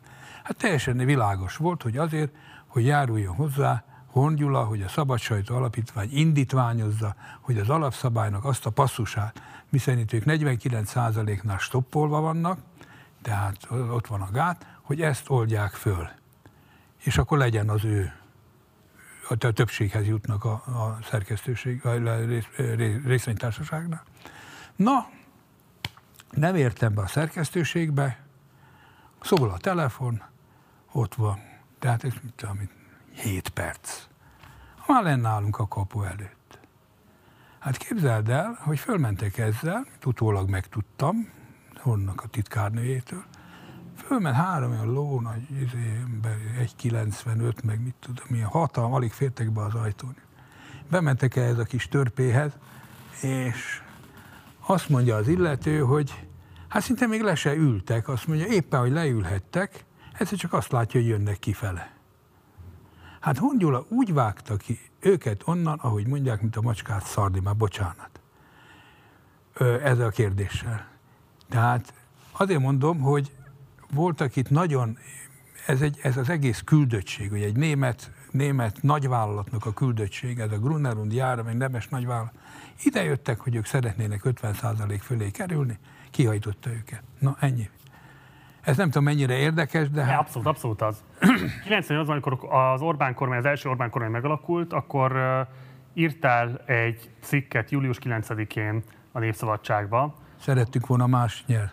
Ez az? És itt azt fogalmaztad meg, hogy Elap hasábjain, ahol a választásokat közvetlenül megelőzően elsősorban a gazdaságban végrehajtott látványos fordulat okán a másik hatalmi csoportosulás győzelmét láttattuk kívánatosnak, most a többségi akaratot tudomásul véve jó kormányzást kívánunk az 1998-as győztesnek. Hát lehet, hogy én retardált vagyok, de ma is ezt mondanám. Én nincs, nincs hozzá. Milyen visszhangja volt annak, hogy hát itt ugye azt ismered el, hogy láttattuk kívánatosabbnak, tehát hogy ilyen értelemben a kampányt befolyásoltátok, ilyen értelemben politikai eszközé váltatok. Hát politikai eszközé nem váltunk, ezt mutatja ez a kiállás, ugye, hogy ezt mi vállaltuk, de ebben nincsen benne, hogy mi félrehúztunk. Írtunk olyan cikkeket, hogy ez, ez, ez jobb, jobb választás volna. Akkor másként kérdezem, ugye Magyarországon kialakult egy olyan fajta függetlenség fetisizmus, ami azt indukálja, hogy a sajtónak élesen tartózkodnia kell a politikai értéknyilvánítástól. Ezt az Orbánista sajtó nyilván nem tekinti magára kötelező érvényűnek, rajta kívülálló sajtótermékek pedig elég erőteljesen tartják magukat ehhez a dologhoz. Szerinted ez fenntartható, kívánatos, kártékony? Hogyan viszonyulsz ez az elváráshoz? Ez attól függ, hogy ki, hogy, mikor, milyen körülmények között, tehát erre nincsen recept. Ugye tudjuk jól, hogy a nyugati, nagy nyugati lapok is vannak ilyen, ilyen elvárásaik, Persze. vagy vágyaik, és anélkül, hogy a függetlenségüket föladnák. Ez nem a függetlenségünk föladása volt, ez annak a megvallása volt, hogy igen, és ez az objektivitás szerintem ebben, hogy mi azt mondtuk, hogy igen. Tehát itt, itt, itt, itt leve, levetköztünk mesztelenre, úgy tetszik, de vállaltuk magunkat, na. De teheti egyébként egy lap szerint? Tehát teheti, megteheti azt, hogy szerepet vállal akármelyik oldal melletti elköteleződésben, annak érdekében azt gondolja, hogy ez az üdvös a hazának. Hát, hogyha elég markáns és elég erős és, és karakteres az az újság, akkor vállalhatja bizonyos körülmények között. De hát, hogy ezt nem lehet helytől és időtől függetlenül kijelenteni. van, amikor ez árulás, vagy sugyiság, vagy van, amikor nem. És nem lett volna kívántosabb, élesebben mondom, tisztességesebb mondjuk egy ilyen kiállás, még a kampányban megtennetek, nem pedig a kampány után, akkor már eldőlt a meccs. Hát ez, hogyha valaki olvasta az újságot, akkor ezt kár, kár lett volna még kijelenteni. Hát ezt nem, nem, nem, hogy mondjam, nem írtunk becstelen cikkeket. Nem írtunk becstelen cikkeket, nem írtunk olyan részrehajló cikkeket, hogy az egyiknek igen, másiknak nem. Hát Hongyula ugye egyszer a választások után azt mondta, hogy a, amikor elvesztette a választást, hogy hát ezt, a, ezt nekem Lengyel Laci meg, meg Tamás Ervin csinálta meg. Vagy? Ugye? Szóval azért ez tisztességes játék volt részünkről, nem volt sunyiság benne. Jó, viszont van egy másik írásod is, amit három hónappal később közöltél, október 16-án. Három hónapja van, száz nappal vagyunk az Orbán korai megalakulása után, és itt igazából arról írsz, hogy hogyan kezdte a te megítélésed szerint a Fidesz kisajátítani a nyelvet. Ami nagyon érdekes, ugye, mert 2010 után az egyik legfőbb vád lett a fidesz szemben, hogy hogyan alkotta meg azt a sajátos nyelvi eszközkészletet, amivel részben képes a saját táborát egybetartani, részben képes folyamatosan retorikai harcokban lenni a politikai ellenfelével, vélt vagy valós politikai ellenfelével is. Tehát, hogy konkrét olyan fogalmakon keresztül foglalja el a társadalmi tudatban azt a helyét, ami miatt képes újra és újra egyébként választásokat nyerni, vagy ez egy nagyon fontos eszköze mondjuk a Fidesznek. És itt konkrétan így írsz, mondom, 98. októberében járunk, a szavak kisajátítása veszélyesebb, mint a javak kisajátítása. Már csak azért is, mert a javak kisajátítása jön a... így már néven se nevezhető. Igen, igen, igen, így gondolom. Ez főként ma 2021-ben, amikor hát tíz éve tart nagyjából az, hogy a Fidesz korrupt, ez a, ez a, ez a um, retorikai megfogalmazás, ami nyilvánvalóan igaz, de hogy nyilvánvalóan egyre kevesebb jelentőséggel bír a széles magyar társadalom szemében. Um, hogyan tekintesz a mából erre a mondatra? Úgyhogy örülök neki, hogy megírta. De hogyha ezt ennyire pontosan lehetett látni, akkor hogy nem történt semmi? Ez 98, tehát a, nem, ez még nem az a Fidesz, amit ma ismerünk. Nem, nem, nem, nem de nekem a Fidesz nem, nem 98-ban mutatkozott be, már előtte nem. Én a Fideszt elég jól fölmértem, ismertem, tudtam, mi van bennük, tudtam, mire játszanak, szóval Engem Orbán Viktornak a fellépésen nem taszított eufóriába, ellenkezőleg eh, írtóztam tőle. Nem, nem ennyi. Nincs. Miért voltál? Tehát miért, miért, miért írtóztál tőle? Hát mert én eh, éreztem benne ezt a, ezt a hatalomvágyat és gátlástalanságot. Ez, ezt nem tudom bizonyítani, ez egy... De ez minden sikeres politikusban benne van, tehát felteszem, hogy Hordyulában is volt gátlástalanság és volt hatalomvágy. Nézd, ez egy, ez egy más stílus. Nem olyan értelemben, hogy a stílus az ember. De emlékszem rá, hogy ö, Szekereshez, aki hát egyik vezetője volt az MSZP-nek, akkor oda mentek egyszer a, egy, a kamerával, és mondták neki, hogy hát honnan van ez, meg az, honnan van az. Hogy hát el kéne számolni. Akkor Szekeres a távolba fókuszált, látni van a zavarba, egy kicsit elpirult.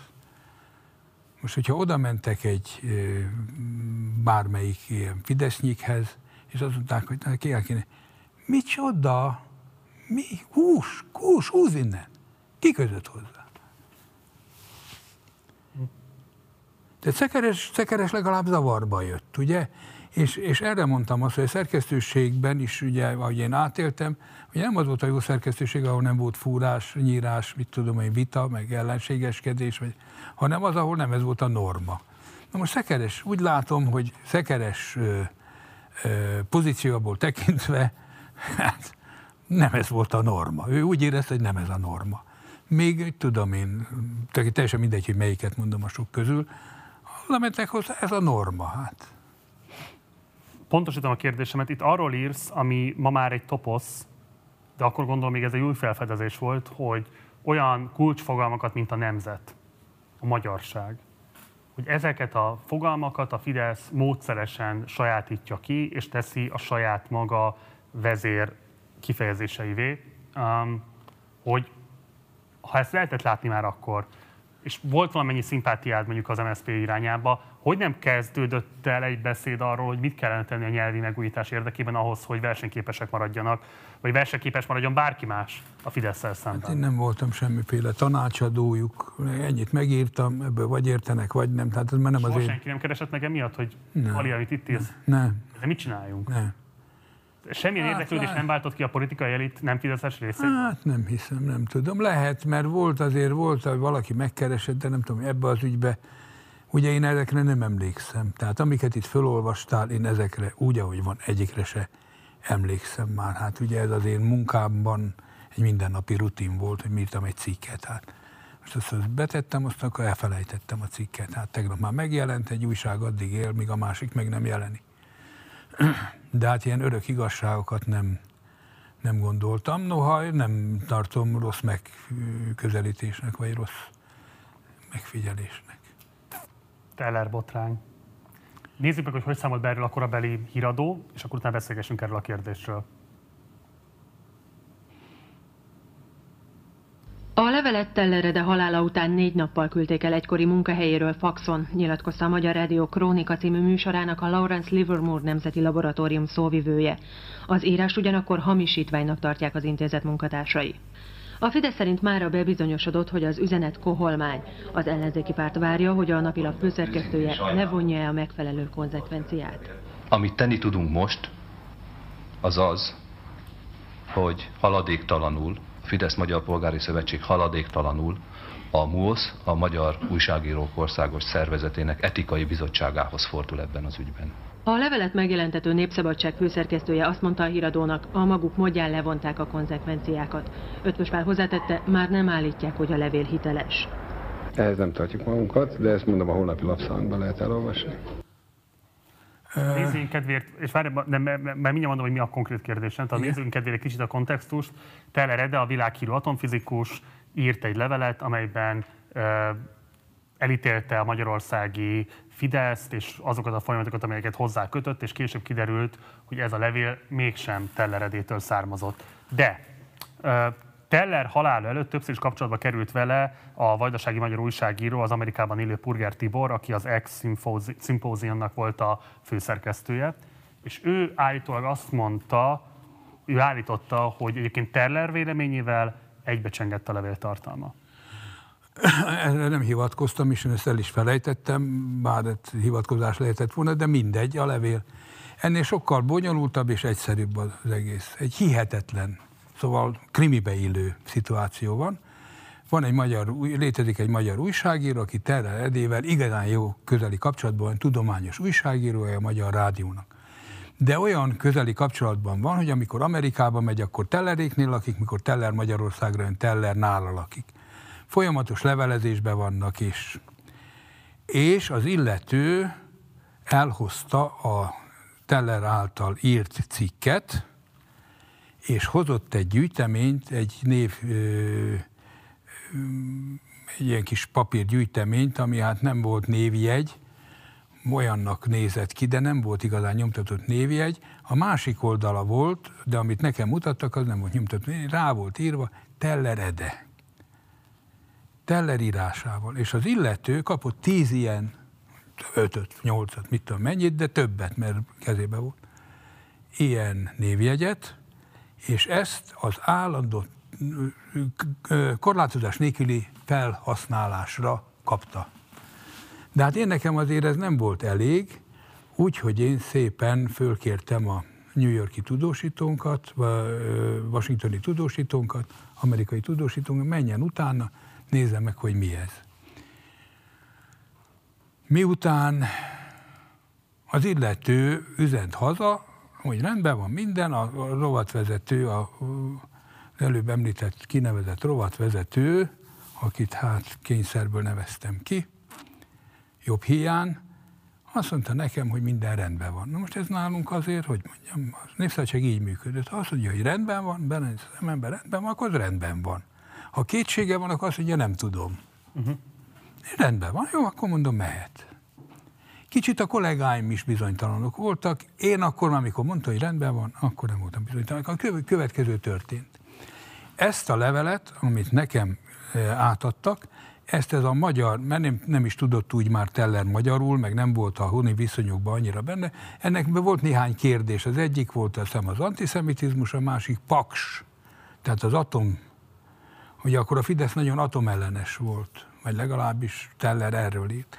Volt néhány pont benne, két vagy három pont volt benne, amiket most nem tudok már felsorolni, azt hiszem ez a kettő, amit elmondtam, ez a kettő volt, meg még valami, nem tudom. Tehát magyarországi antiszemitizmus volt benne, meg, a, meg paks, hogy hát most mi bajuk van az atom erőművekkel.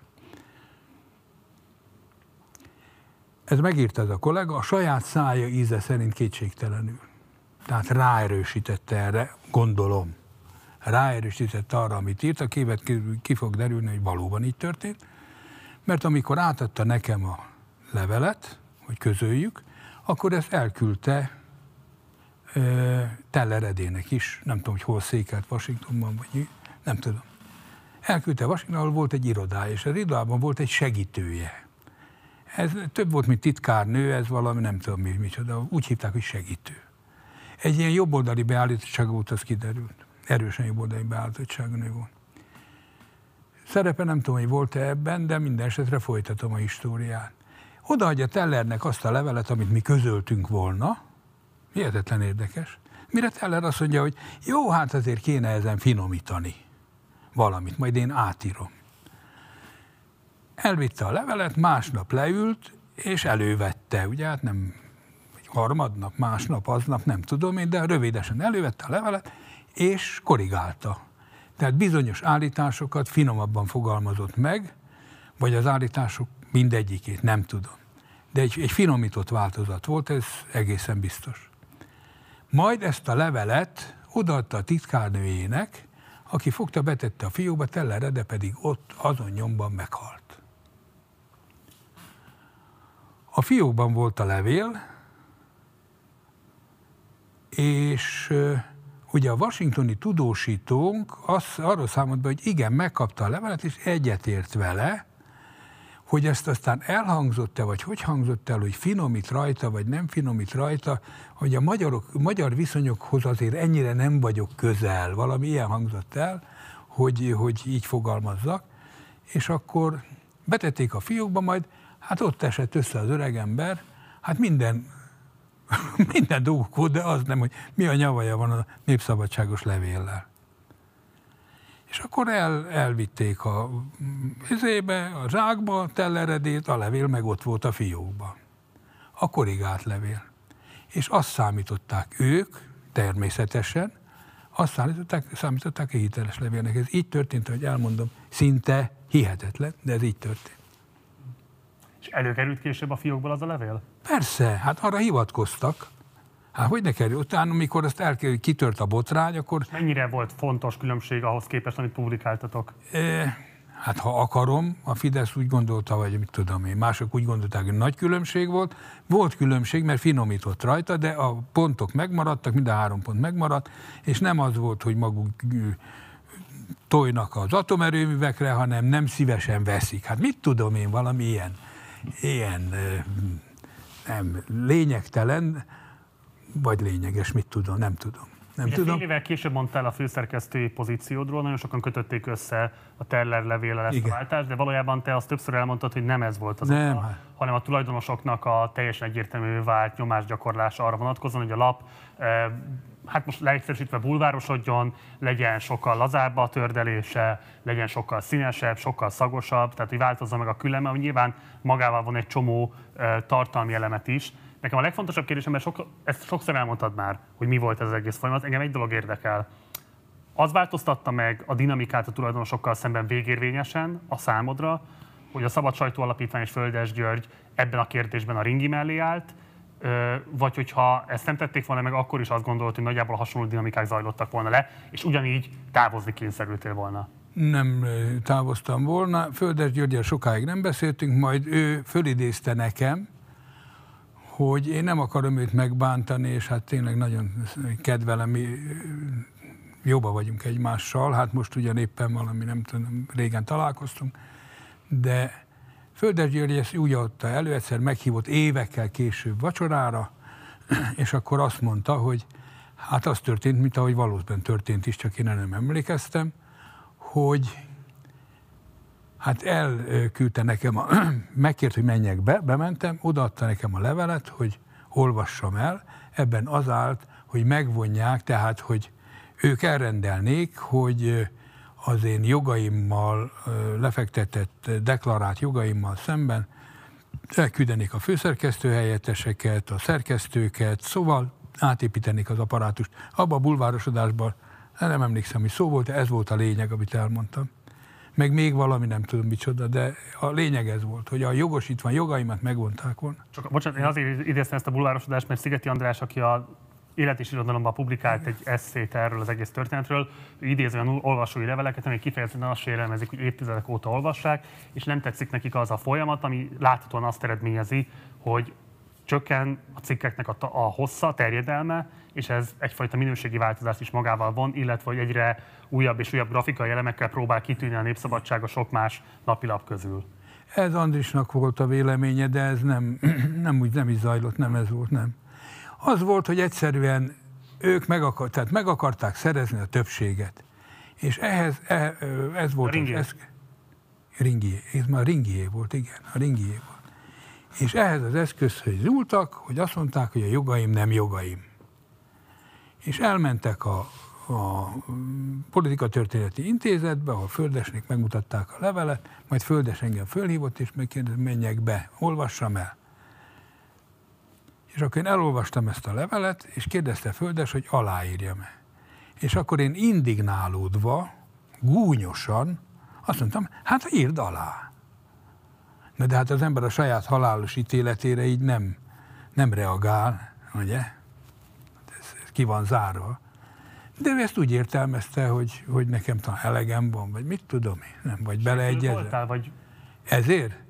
Hát ezért hogy ne lettem volna? Hát ezért végtelen. Hát ez, ez, engem, ez engem nagyon bántott. De akkor nem is az, hogy elküldtek. Vagy... Végül a te elmozdításod, tehát hogy akkor a Szabad Sajtó Alapítvány végül csak elérte azt, amit szeretett volna Lendva Ildikó nyomás. Nem, nem úgy érte el, meg már Lendva Ildikó, meg már ebben nem volt benne az MSZP, ez már nem tudom, hogy mi volt. Ez egy balfácánság volt. Szerintem földes részéről, vagy az én részemről, de, de hát ezt nem lehetett félreérteni. Hát ezt, ezt nem tudom nem tudom, én földes nagyon kedvelem, de hát akkor persze, hát akkor nem, hogy szóval ez engem, mintha egy bilivel öntöttek volna képen. Hm. Ez, ez, ez, ez, valami. Hát most erre megkérdezi, hogy hát most írjam ezt alá. Hogy hát. Ezt követően a MOASZ-nak lettél az elnöke. Igen. És 2007-ben az antifasiszták és ellenállók, magyar ellenállók és antifasiszták konferenciáján szólaltál föl és hát elég élesen módon beszéltél a magyarországi sajtóviszonyokról. Itt van több dolog is, amire szeretném, hogyha most reflektálnál. Elmondtad például azt, hogy a Ringi kiadó az összes országos terjesztési napilap 70%-át birtokolja, kizárólag a banánköztársaságokban és Magyarországon van ilyen rendszer. Míg a 90-es évek közepén a tradicionális napilapok előfizetési aránya magasabb volt, mint a bulvárlapoké, addig már ez az arány megfordult. Hát ugye nem a, nem a ringi, a helyzetet nem a ringiével volt baj, az ment a tőke után, meg az ösztönei után, de... Ugye ez 2007, tehát 18 éve vagyunk, 17-18 éve vagyunk a rendszerváltás után, te három éve álltál föl a legnagyobb példányszámú politikai napilap, vagy közéleti napilap főszerkesztői posztjáról, és elég élesen írod le a magyarországi sajtóviszonyokat három évvel a NER előtt. Igen. Um, soha nem volt ambíciód a Népszabadság után, hogyha ott nem sikerült, akkor valami sokkal kisebb projektben, sokkal kisebb volumenben, de hogy megpróbálj valami olyan sajtóterméket előállítani, amelyben a szerkesztőség tulajdona megkérdőjelezhetetlen, ami elég kicsi ahhoz, hogy föntartató legyen pusztán csak előfizetésekből, esetleg reklámokból. Tehát, hogy foglalkoztatott-e az a dolog, hogy te még hogyan fogod tudni ezeket az általad rendkívül kritizált állapotokat megváltoztatni? Hát nekem a népszabadság test volt a testemből, vér a véremből, tehát én a népszabadságon kívül semmit. Én ennek teljes ködös elkötelezettje voltam, tehát ilyen agyament elkötelezettje voltam, ezt különben nem is lehetett volna megcsinálni, mert nekem ez nem esett nehezemre, de azért nem esett nehezemre, mert, mert egy őrült voltam ebben az ügyben. Tehát de semmire nem gondoltam én. Én beszéljeztem a népszabadságot, elmentem síelni, és akkor fölhívott, valaki fölhívott, hogy hát keresnek egy elnököt a Népszabadság. Hát nem, hát mondom, hagyjatok meg engem béké, vagy a múzba, hagyjatok meg engem béké. És aztán még egyszer fölhívtak, és akkor azt mondta, na jó, hát elmegyek, megnézem. És akkor el, meggyőztek, hogy, hogy hát kéne, hogy, hogy szörnyű állapotok voltak. Most megint szörnyű állapotok vannak, de másképp. Na mindegy, szóval akkor szörnyű állapotok voltak, gazdaságilag voltak. Düledező épületek, úgy képzeld el, hogy ilyen, nem ilyen, mert ez legalább meleg, de ilyen, most, igen, hogy hívják? Nem tudom, ez, azt a... egy teljes stúdiót kipakoltak mellettünk, amíg beszélgettünk, de mindegy. Csöndesen csinálták. Igen. Az asztal fölött égtek ilyen a világítás, és azt előtte való este fölkapcsolták, hogy meleg legyen a teremben, hogyha valami múlsz rendezvény van. Szóval ne, szörnyű állapotok voltak, rothattak a falak, meg minden. Nagyon szépen rendbe hozták, ez most a valami író, nem tudom, valakiknek a mindegy, székházuk, és három milliárd forintért hozták rendbe a két épületet. Mi volt a kérdés? Nem egrecíroztatni akarlak, de hogyha ennyire tested és véred volt a népszabadság, akkor nem hagytad ott egy kicsikét könnyedén, különösebb harcok nélkül. Nem volt, nekem méltóságomon alul lehet volna ehhez harcolni. Hát ami az ember foggal köröm ragaszkodik, köm, köröm. Én, ott, ott állt mögötted a szerkesztőség, de pontosan tudtad, hogy ha te bedobod egy eplőt, akkor itt a folyamatok csak rosszabbak lesznek. De, de nem lehetett. Hát innentől kezdve, hogy az volt, hogy szavazunk. Hány százalék, hány százalék? Köszönöm, ötvös úr. De hát ez, ez, ez megint az, hogy itt, hát ezt, ezt nem is lehet másképp fölfogni. Én ezt csak így tudtam fölfogni, racionálisan. Következő felügyelőbizottság közgyűlésen, tessék föltartani a táblát, és volt mindenkinek ugye egy táblája, hogy hány szavazata van, milyen részesedése, föltartja a táblát, ez egy, hát ez a jogállam, ez a tulajdon sérthetetlenség. Értem, csak hogy van a tulajdon Igen. sérthetetlenségének az elve, és van egy olyan elv is, hogy te pedig felelős vagy a, nem tudom én, magyar sajtószabadság lehetőségek szerinti erősítésért. Várj, bocs, arra vagyok csak kíváncsi, hogy te nagyon sokszor problematizáltad azt MOASZ elnökként, hogy sajtószakszervezetre lenne szükség.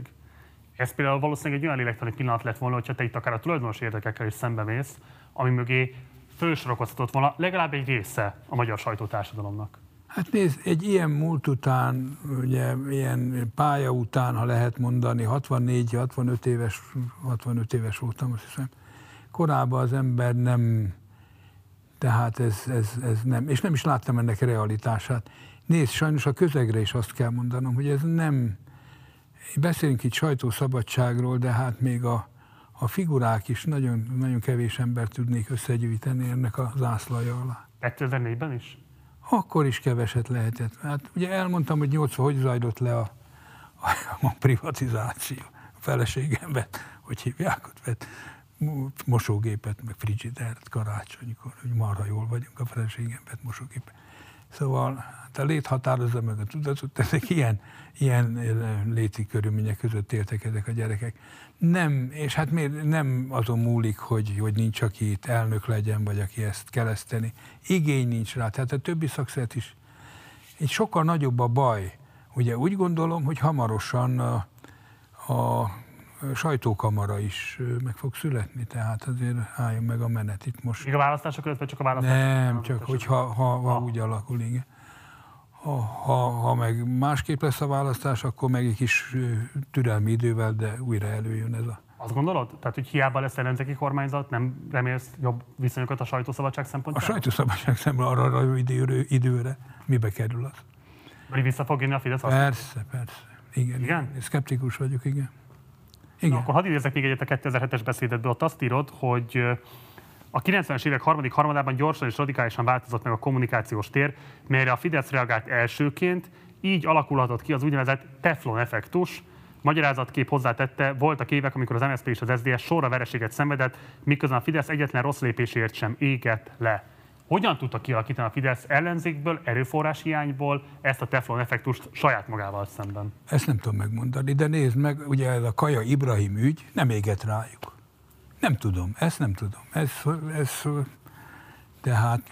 Erről beszélgetettek például a kollégákkal, hogy hogy lehetséges? Persze, hogy beszéltünk róla, hát írtunk róla, hát ezt a Kaja Ibrahimot, hát ez egy olyan tiszta ügy volt, hát ennél tisztább ügy nincs a világon és nem éget rájuk. Vagy kicsit éget rájuk. És minden, amit csináltak, nem éget rájuk. Hát ilyen figurák, sajnos azt kell mondjam, hogy érződött, hogy ő bennük gátlás nincs. Valószínűleg most rögtönzök. Persze, hát mindig rögtönz az ember. De azt hiszem, hogy ez úgy, úgy volt, hogy olyan önbizalommal és olyan agresszivitással és olyan szinte bizarr ö, nyomulással álltak ki minden ügyben, hogy, hogy valahogy aztán kialakult körülöttük ez a légkör, nem tudom. De hát, ugye ide, hát, de azt mondom, hogy, hogy én azóta nem nagyon olvasok újságot, vagy szóval nem érdeklődöm a politika iránt, amikor hát el, elkövetkezett a Kaja Ibrahim, majd volt, megjelent egy cikk a Élet és Irodalom, ugye ezt a Tokaj szőlő, vagy nem Tokajban volt, hanem mellette valahol, nem tudom én, ahol Orbán Viktoréknak részük volt, és ott volt egy ügyvéd, akinek Tokaj a felesége. Hogy? Tokaj hegyalja, nem? Szá, nem, nem, nem, picit oda. Sárazsadány. Igen, sárazsadány, sáraz, így van, sárazsadány, azaz. És ott azt mondta, a, a, a, azt mondta Orbán Viktor, hogy e, hát csak nem mi kapjuk a legtöbbet. Most ennél leleplezőbb, hát ennél leleplezőbbet én nem tudok elképzelni. Ez se éget rájuk. Éget rájuk, és azt mondtam, most az Alibaba és a, a, a, Alibaba és a 40 rabló kirabolta a, a, a, a széfet. A jövő héten egy másik széfet rabolom. Én mit olvassak én? Ezt utána megint egy széfet ki fognak rabolni, tehát itt nekem az érdeklődésem, azt nem mondjam, a befogadó képességem, az ízlésem, lehet mondani, megállt parancsot. Én azóta nem foglalkozom ezzel, ugyanazt csinálják, amit én ott leírtam, el, kisajtották a nemzetet, alaposan, magyarságot, a hitet lassan, kisajtották a, a katolikus egyházat, ahol Hát nem mindegy. De akkor bocsáss meg, mert így azt feltételezném, hogy oké, okay, gátlástalanok, mint hogy általában a jó politikusok mindegyik, vagy, vagy, vagy hogy mondjam, nem is a jó, hanem a sikeres és érvényesülni képes politikusok mindegyike. Mi az a megkülönböztetett minősége az ő gátlástalanságuknak, ami ezen botrányok ellenére is képesítette őket arra, hogy ahogy te mondod, mint a Teflonról, lekopnak ezek a vádak, és a saját narratívájukkal képesek dominálni a nyilvánosságot. Nem tudom, nem tudom, ezt nem tudom megmondani. Ezt, hogy minden politikusban, ezt nem fogadom el, mert volt nem, azt mondtam, hogy az érvényesülni képes. De volt egy De Gaulle, volt egy Adenauer. Az ne lett volna, a De Gaulle ne lett volna gátlástalan? Hát nézd, a szükséges gátlástalanság, de... Hát, jó. Igen. Azért ő Persze. 68-asok ellen a legkeményebb karhatalmi hát erőkkel lépett föl, az ötödik köztársaságot úgy nyomta le a torkán. Erről szeretnék még valamit mondani. De jó, volt egy Adenauer, fölötte, szóval, hogy mondjam, volt egy, volt egy, az akarata fölött volt egy idea. És e, az ideának ezeket ő alárendelte. Nem, jó, ebbe belekeveredtem egy kicsit, mert valóban hát elég gátlásnak voltak, de Bruno Kreisky, akit én nagyon kedveltem, neked ő már nem mond sokat, mond. Volt is róla nem olyan régen dokumentumfilm. Igen, hát ő, őt nagyon, nagyon tiszteltem, és egy, egyáltalán volt azért politikus, aki a saját személyisége fölé tudta emelni. Én nem azt mondom, hogy Orbáni gátlástalanság kell a sikeres politizáláshoz, Igen de egy bizonyos fokú igen. gátlástalanság. Hát kell, igen, persze. Hát egy bizonyos fokú gátlástalanság, legyünk őszinték, a mi szakmánkhoz is kell. Hát valami, igen, valami van, mondasz valamit. Erőt eszembe, hagyd mesélj, mondjak még, van két perc. Nem, még bőven van időnk. Igen. Egyet még el szeretnék mondani, ezt te juttatod eszembe a sajtóról, a sajtószabadságról ami ide tartozik. Én egyszer valahol megírtam, ez nem tudom hol. Most előjött az ügy azért friss. Ugye a algériai háború, ami az 50-es évek elején volt, az argéliai háborúban volt egy, egy eset, a sajtóról van szó. Volt egy eset, amikor egy nagy tüntetés volt, algériai tüntetés volt Párizsban, ahol a prefektus e, tudtával De Gaulle, és igazad van, De Gaulle, e, hogy mondjam, e, hallgatólagos jóváhagyásával 150-200-250 algériait egyszer lemészároltak a Párizsi utcán. Nem tudom, ismerős ez eset. Azért mondom, most ez előkerült. A holtestüket belehaigálták a szajnába, és egy csomó meg a prefektus udvarán volt, akiket ott végeztek, ott vagy 50 embert kivégeztek, azok ott voltak fölhalmozva. a, a párizsi sajtó, a szabad párizsi sajtó egy kummantó szót nem írt erről az egészről. Ott úsztak a hullák, de az újságban nem láttad, hogy milyen, nem láttad, hogy mi történt. Még nem aztán egy, az humanitése, tehát a kommunista lap. Nem írtak erről. Ez a sajtó lehetőségeit, szerepét is ahhoz a fejezethez tartozik, amit, amit, amiről beszéltünk. Én néhány nap múlva volt egy tüntetés, a hiszem Szárt vezette, vagy Bovár, vagy valakik, szóval ott nem tudom, kicsodák, már elfelejtettem, hogy kik, de hát a párizsi értelmiség színe java, és kullogtak utánuk néhányan. És megjelent egy ilyen kis hír az ümában, jelent meg erről. A, az a bizonyos üma, azt hiszem, hogy amit én őrzök, és amit te láttál, talán abban van ez, a, az, azt hiszem, nem tudom. Tehát az, az, az, nem hogy az újságírók, egyáltalán a tulajdonos se azt írott bele, amit akar. Ugye? Ezt, ezt a párizsi közönség nem fogadta volna be, hogy szembe, tehát beleütik a szarba az orrát. A vérbe, a vérbe beleütik az orrát. Elhallgatták.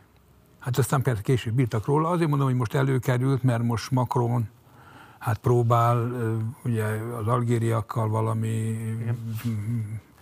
Békülékenyebb hangot megütni, és ezt elfogadta, és ezt a francia történelem szégyenének nevezte, etc. etc. 50 évig nem hallottál róla, vagy már mit tudom, hány évig, nem, semmi. Nem. Elmentek mellette, szabad sajtó, egy, egy kummantú szót nem írt róla. Na, ráadásul a szabad szellemű francia sajtó, bocs. Zárásként Öt éve zárták be a Népszabadságot, ami nyilván egy olyan intézmény a magyar nyilvánosságnak, amely rendszerváltás előtt és rendszerváltás után is kiemelt jelentőséggel bír, más és más előjellel, de ilyen értelemben azon nagyon kevés nemzeti intézmények egyike, ami átívelt korszakokon. Um, Tölgyesi Péter tartott egy előadást, amelyben elemezte azt is, hogy többek között mit jelent a népszabadság bezárása. Szeretném, hogyha ezt most megnéznénk, ebből egy rövid részletet, és aztán szeretném, hogyha te elmondanád, hogy mit gondolsz erről. Szóval oda jött Orbán Viktor, hogy tényleg hordul a főveszély, és attól a pillanattól kezdve megkapott mindent. Mármint sajtótámadás. Pedig a Fidesz még alig változott, változott már, tehát voltak ügyek, de mégis, hogy már ilyen volt a váltás, ilyen ütközésszer. Korábban a Fidesz volt az ideál, a fantasztikus, eltúlozva messze a valósághoz képest, mostantól meg bűnös csúda. A Fidesz vezetői ezt úgy élték meg, mint egy gangsterlátom. De úgy élték meg, itt nem számít, hogy kinek van igaza, egy dolog számít, ki az, aki előbb áll fegyver. Ők nem gyáva nyulak voltak, nem jogállam tisztelő emberek, mint az Antal, azt mondták, ezek ölnek. Hát akkor majd mi fogjuk őket előbb megölni. Nincs más lehetőség. Itt muszáj így cselekedni. Határozottan állítom, hogy amilyen népszabadsággal most nemrég történt, az igen nagy rész válasz arra, ami 93-ban történt. Nem logikus az, hogy a népszabadságot elsüllyesztettek. A népszabadság nyugodtan maradhatott volna, ez fekete lyuk beszéljen, amennyit csak akar a saját közegének, nincs hatással a, a külső közösségre. Aki izgathatná a Fideszt, az az Index, nem a népszabadság. Az csak olyan újság veszélyes, amit olvasnak még Fideszesek is. Szóval summa summarum, ezek, ezek nagyon mély régi történetek, nagyon mélyen bele vannak ágyazódva a, a, a fejekbe. Én nem jól hallottam, szövegértési problémáim voltak. Kicsit nehezebb volt hallható, akkor összefoglalom. Azt mondja Tölgyesi, hogy a népszabadság egy sérelemi pont volt a Fidesz számára, ez egy lélektani kérdés. Nem volt valójában olyan súlya már 2016-ra a magyar nyilvánosságban, mert nem érte el például a Fideszes szavazókat, ami indokolta volna ezt a fajta statáriális bezáratást. Egyébként érdekes, hogy az Indexre utal, amit aztán pár év múlva szintén hasonló statáriális eszközökkel megfojtottak. De hogy a lényeg az, hogy a népszabadsággal szemben ez egy, ez egy lélektani vendetta lett volna, bosszú, azért, amit el kellett szenvedniük, szenvedniük a 90-es évek folyamán. Valószínűleg így, így van. Tehát ennek, hát volt benne, valószínűleg volt benne az ő szempontjukból racionalitás. Hát mert most mit pofázik ez itt össze? És a, a a hatalomnak nincsenek ilyen, ilyen le, jól levágható, tehát így idáig megyek a hatalommal. Ameddig tudok, elmegyek, vagy ami eszembe jutott, gyakorlom, ez egy tornamutatvány is, fél, megfélemlítek, tehát ennek számos összetevője lehetett. Én nem tudom megmondani, de hogy a népszabadságnak nem lett volna hatása, ez nem így van, mert ma például szerintem, ha régi lendületben van, tehát valamennyire lendületben van, akkor még lett, lenne olvasója. Ahogy én ezt látom, ugye a legnagyobb napilap ma, már úgy értem, hogy független napilap, ez a népszava, ami nem az ő. Nincs, van még valami? Nem tudok róla. Népszava. Hát, nincs, és, és most nem bántva a népszavásokat, nekünk kifejezetten kollegiális a viszonyunk, de, de azért ők megkapják azt a kritikát rendszeresen, hogy az ő létezésüket is igazából a ner a jó indulata garantálja, ez így van. hirdetéseken keresztül is így hát tovább. igen, igen, igen, ez, ez így van. Ami nem feltétlenül mond semmit a szakmai tisztességükről, tehát az, az egy külön dolog, de hogy ők is egy nagyon delikát helyzetben vannak, ami hát bármikor igen, a végüket jelentheti. Most ment el onnan friss Robi, ugye fél év után. Szóval persze, visszavonom. De nem, nem, nem sok vizet, tehát én is azt gondolom, nem sok vizet zavart volna, mert annyira ut- uralják a teret, az egész étert, mindent uralnak. Tehát ez egy totális hatalom. Totális hatalom, hogy hogyan fogalmazza meg az ember, lehet ezen vitatkozni, hogy Magyar Bálint így fogalmaz, másik, hogy itt egy totális hatalom működik, és egy egyszemélyes hatalom, aminek persze megvannak a veszélyei, de hát ezek messze vannak a, a, a jövőben ennek a veszélyei, vagy legalábbis azt hiszem messze vannak. De nem, szóval a népszabadságot én sem gondolom már, hogy valami, valamit meg tudott volna akadályozni. Hát mi, mi az, amiről nem tudnak az emberek? Mondd meg nekem. Nem csak Orbán féle stiklikre gondolok. Ugye Tódor János írt egy könyvet a, erre a cigánygyilkosságokról. Nem tudom, ismered azt a könyvet. Ezen kívül a magyar sajtó vagy a magyar közvélemény egy markáns, tehát, hogy itt van. Egy olyan, olyan, olyan felháborodásra, vagy, vagy a, a, a, a, hogy mondjam, egy érdemi reakcióra alkalmas közlésre én nem emlékszem. De főleg a, a térre nem emlékszem, ahol egy ilyen közlés elhangozhatott volna, és ezt azért mondom el, mert a feleségemmel mi minden évben, vagy jó néhány évig elmentünk a nyolcadik kerületben van egy összejövetel, már nem tudom milyen napon, ahol a romák emlékeznek meg, lehet, hogy még ma is van, a romák emlékeznek meg erről a, erről a szörnyűségről, hogy mint az agyaggalambot lőtték őket, ugye.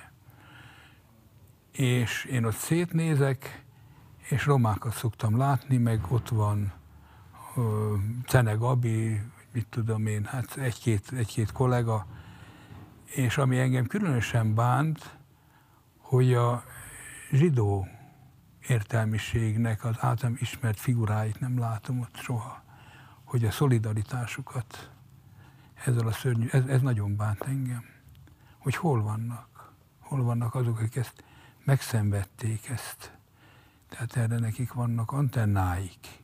Bár nem tudom, hogy vannak-e antennáik, mert ugye a német zsidóságot fenyegető legnagyobb veszély az optimizmus volt, mondják ma visszatekintőre. Tehát, hogy, és én magam is úgy gondolom, hogy erre nincsen a, a, a zsidóságnak igazán antennája, hogy hol jön a veszély. Hát már rég, mind, mindig későn reagál. Most is.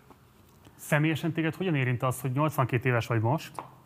A részben ugye nyilván te is utaltál erre, hogy ez az újságírás egy FMR szakma, amit ma megírsz, holnapra már nem biztos, hogy érvényes, és egyáltalán, tehát évekre visszamenőleg is. Most engem megvigasztaltál.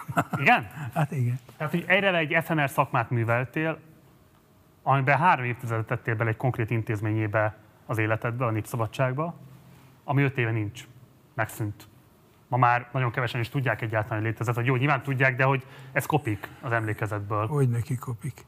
Hogy érint ezt téged? Ez úgy érint, hogy beteszem abba a fiókba, ahol a nagy veszteségeim vannak. Elveszett a nemzetem, elveszett a hazám. Hát nekem elveszett a hazám. Hát most, most mit szállazzak én ezen? Elveszett a hazám, én, én szerettem ezt az országot. Most mit mondjam, hogy ebből a népszabadság hiányzik? Az egész hiányzik. Az egész hiányzik. Elveszett minden, minden ideám. Minden elveszett, ami ehhez az országhoz köt. Mikor én átjövök a határon, és meglátom a magyar rendszámokat, nekem rossz érzésem támad. Hát akkor most miért a népszabadságot? Hát persze, hát konkrétan a népszabadság is megrász, hogy nincs, de hát, hát az ember a, a, Hát én itt egy, hogy hívják vagyok, egy, egy emigráns vagyok, egy migráns vagyok. Abszolút migráns vagyok. Hát mivel tudok azonosulni? Már szinte semmivel. De egy olyan országban, ahol, ahol jó, most elmehetnek, de itt marad, elmegy, ide szavaz két millió, oda szavaz két millió egyszázezer. Ez nekem nem, hát mint Amerikában, ugye 74 millió szavazott. Bidenre 70 millió meg arra az őrültre. Hát itt is, itt is ez vár ránk. Ez vár ránk. Hát itt ez nem fog, nem, semmiféle megtisztulást én nem, nem prognosztizálok, nem is lehetséges.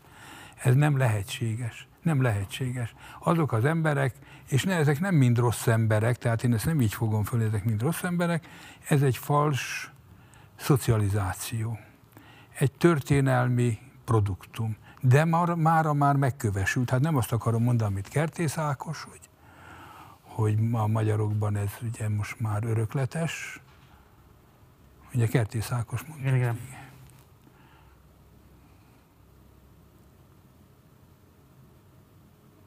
De? Hogy? De? De, de, de hát ilyesmi.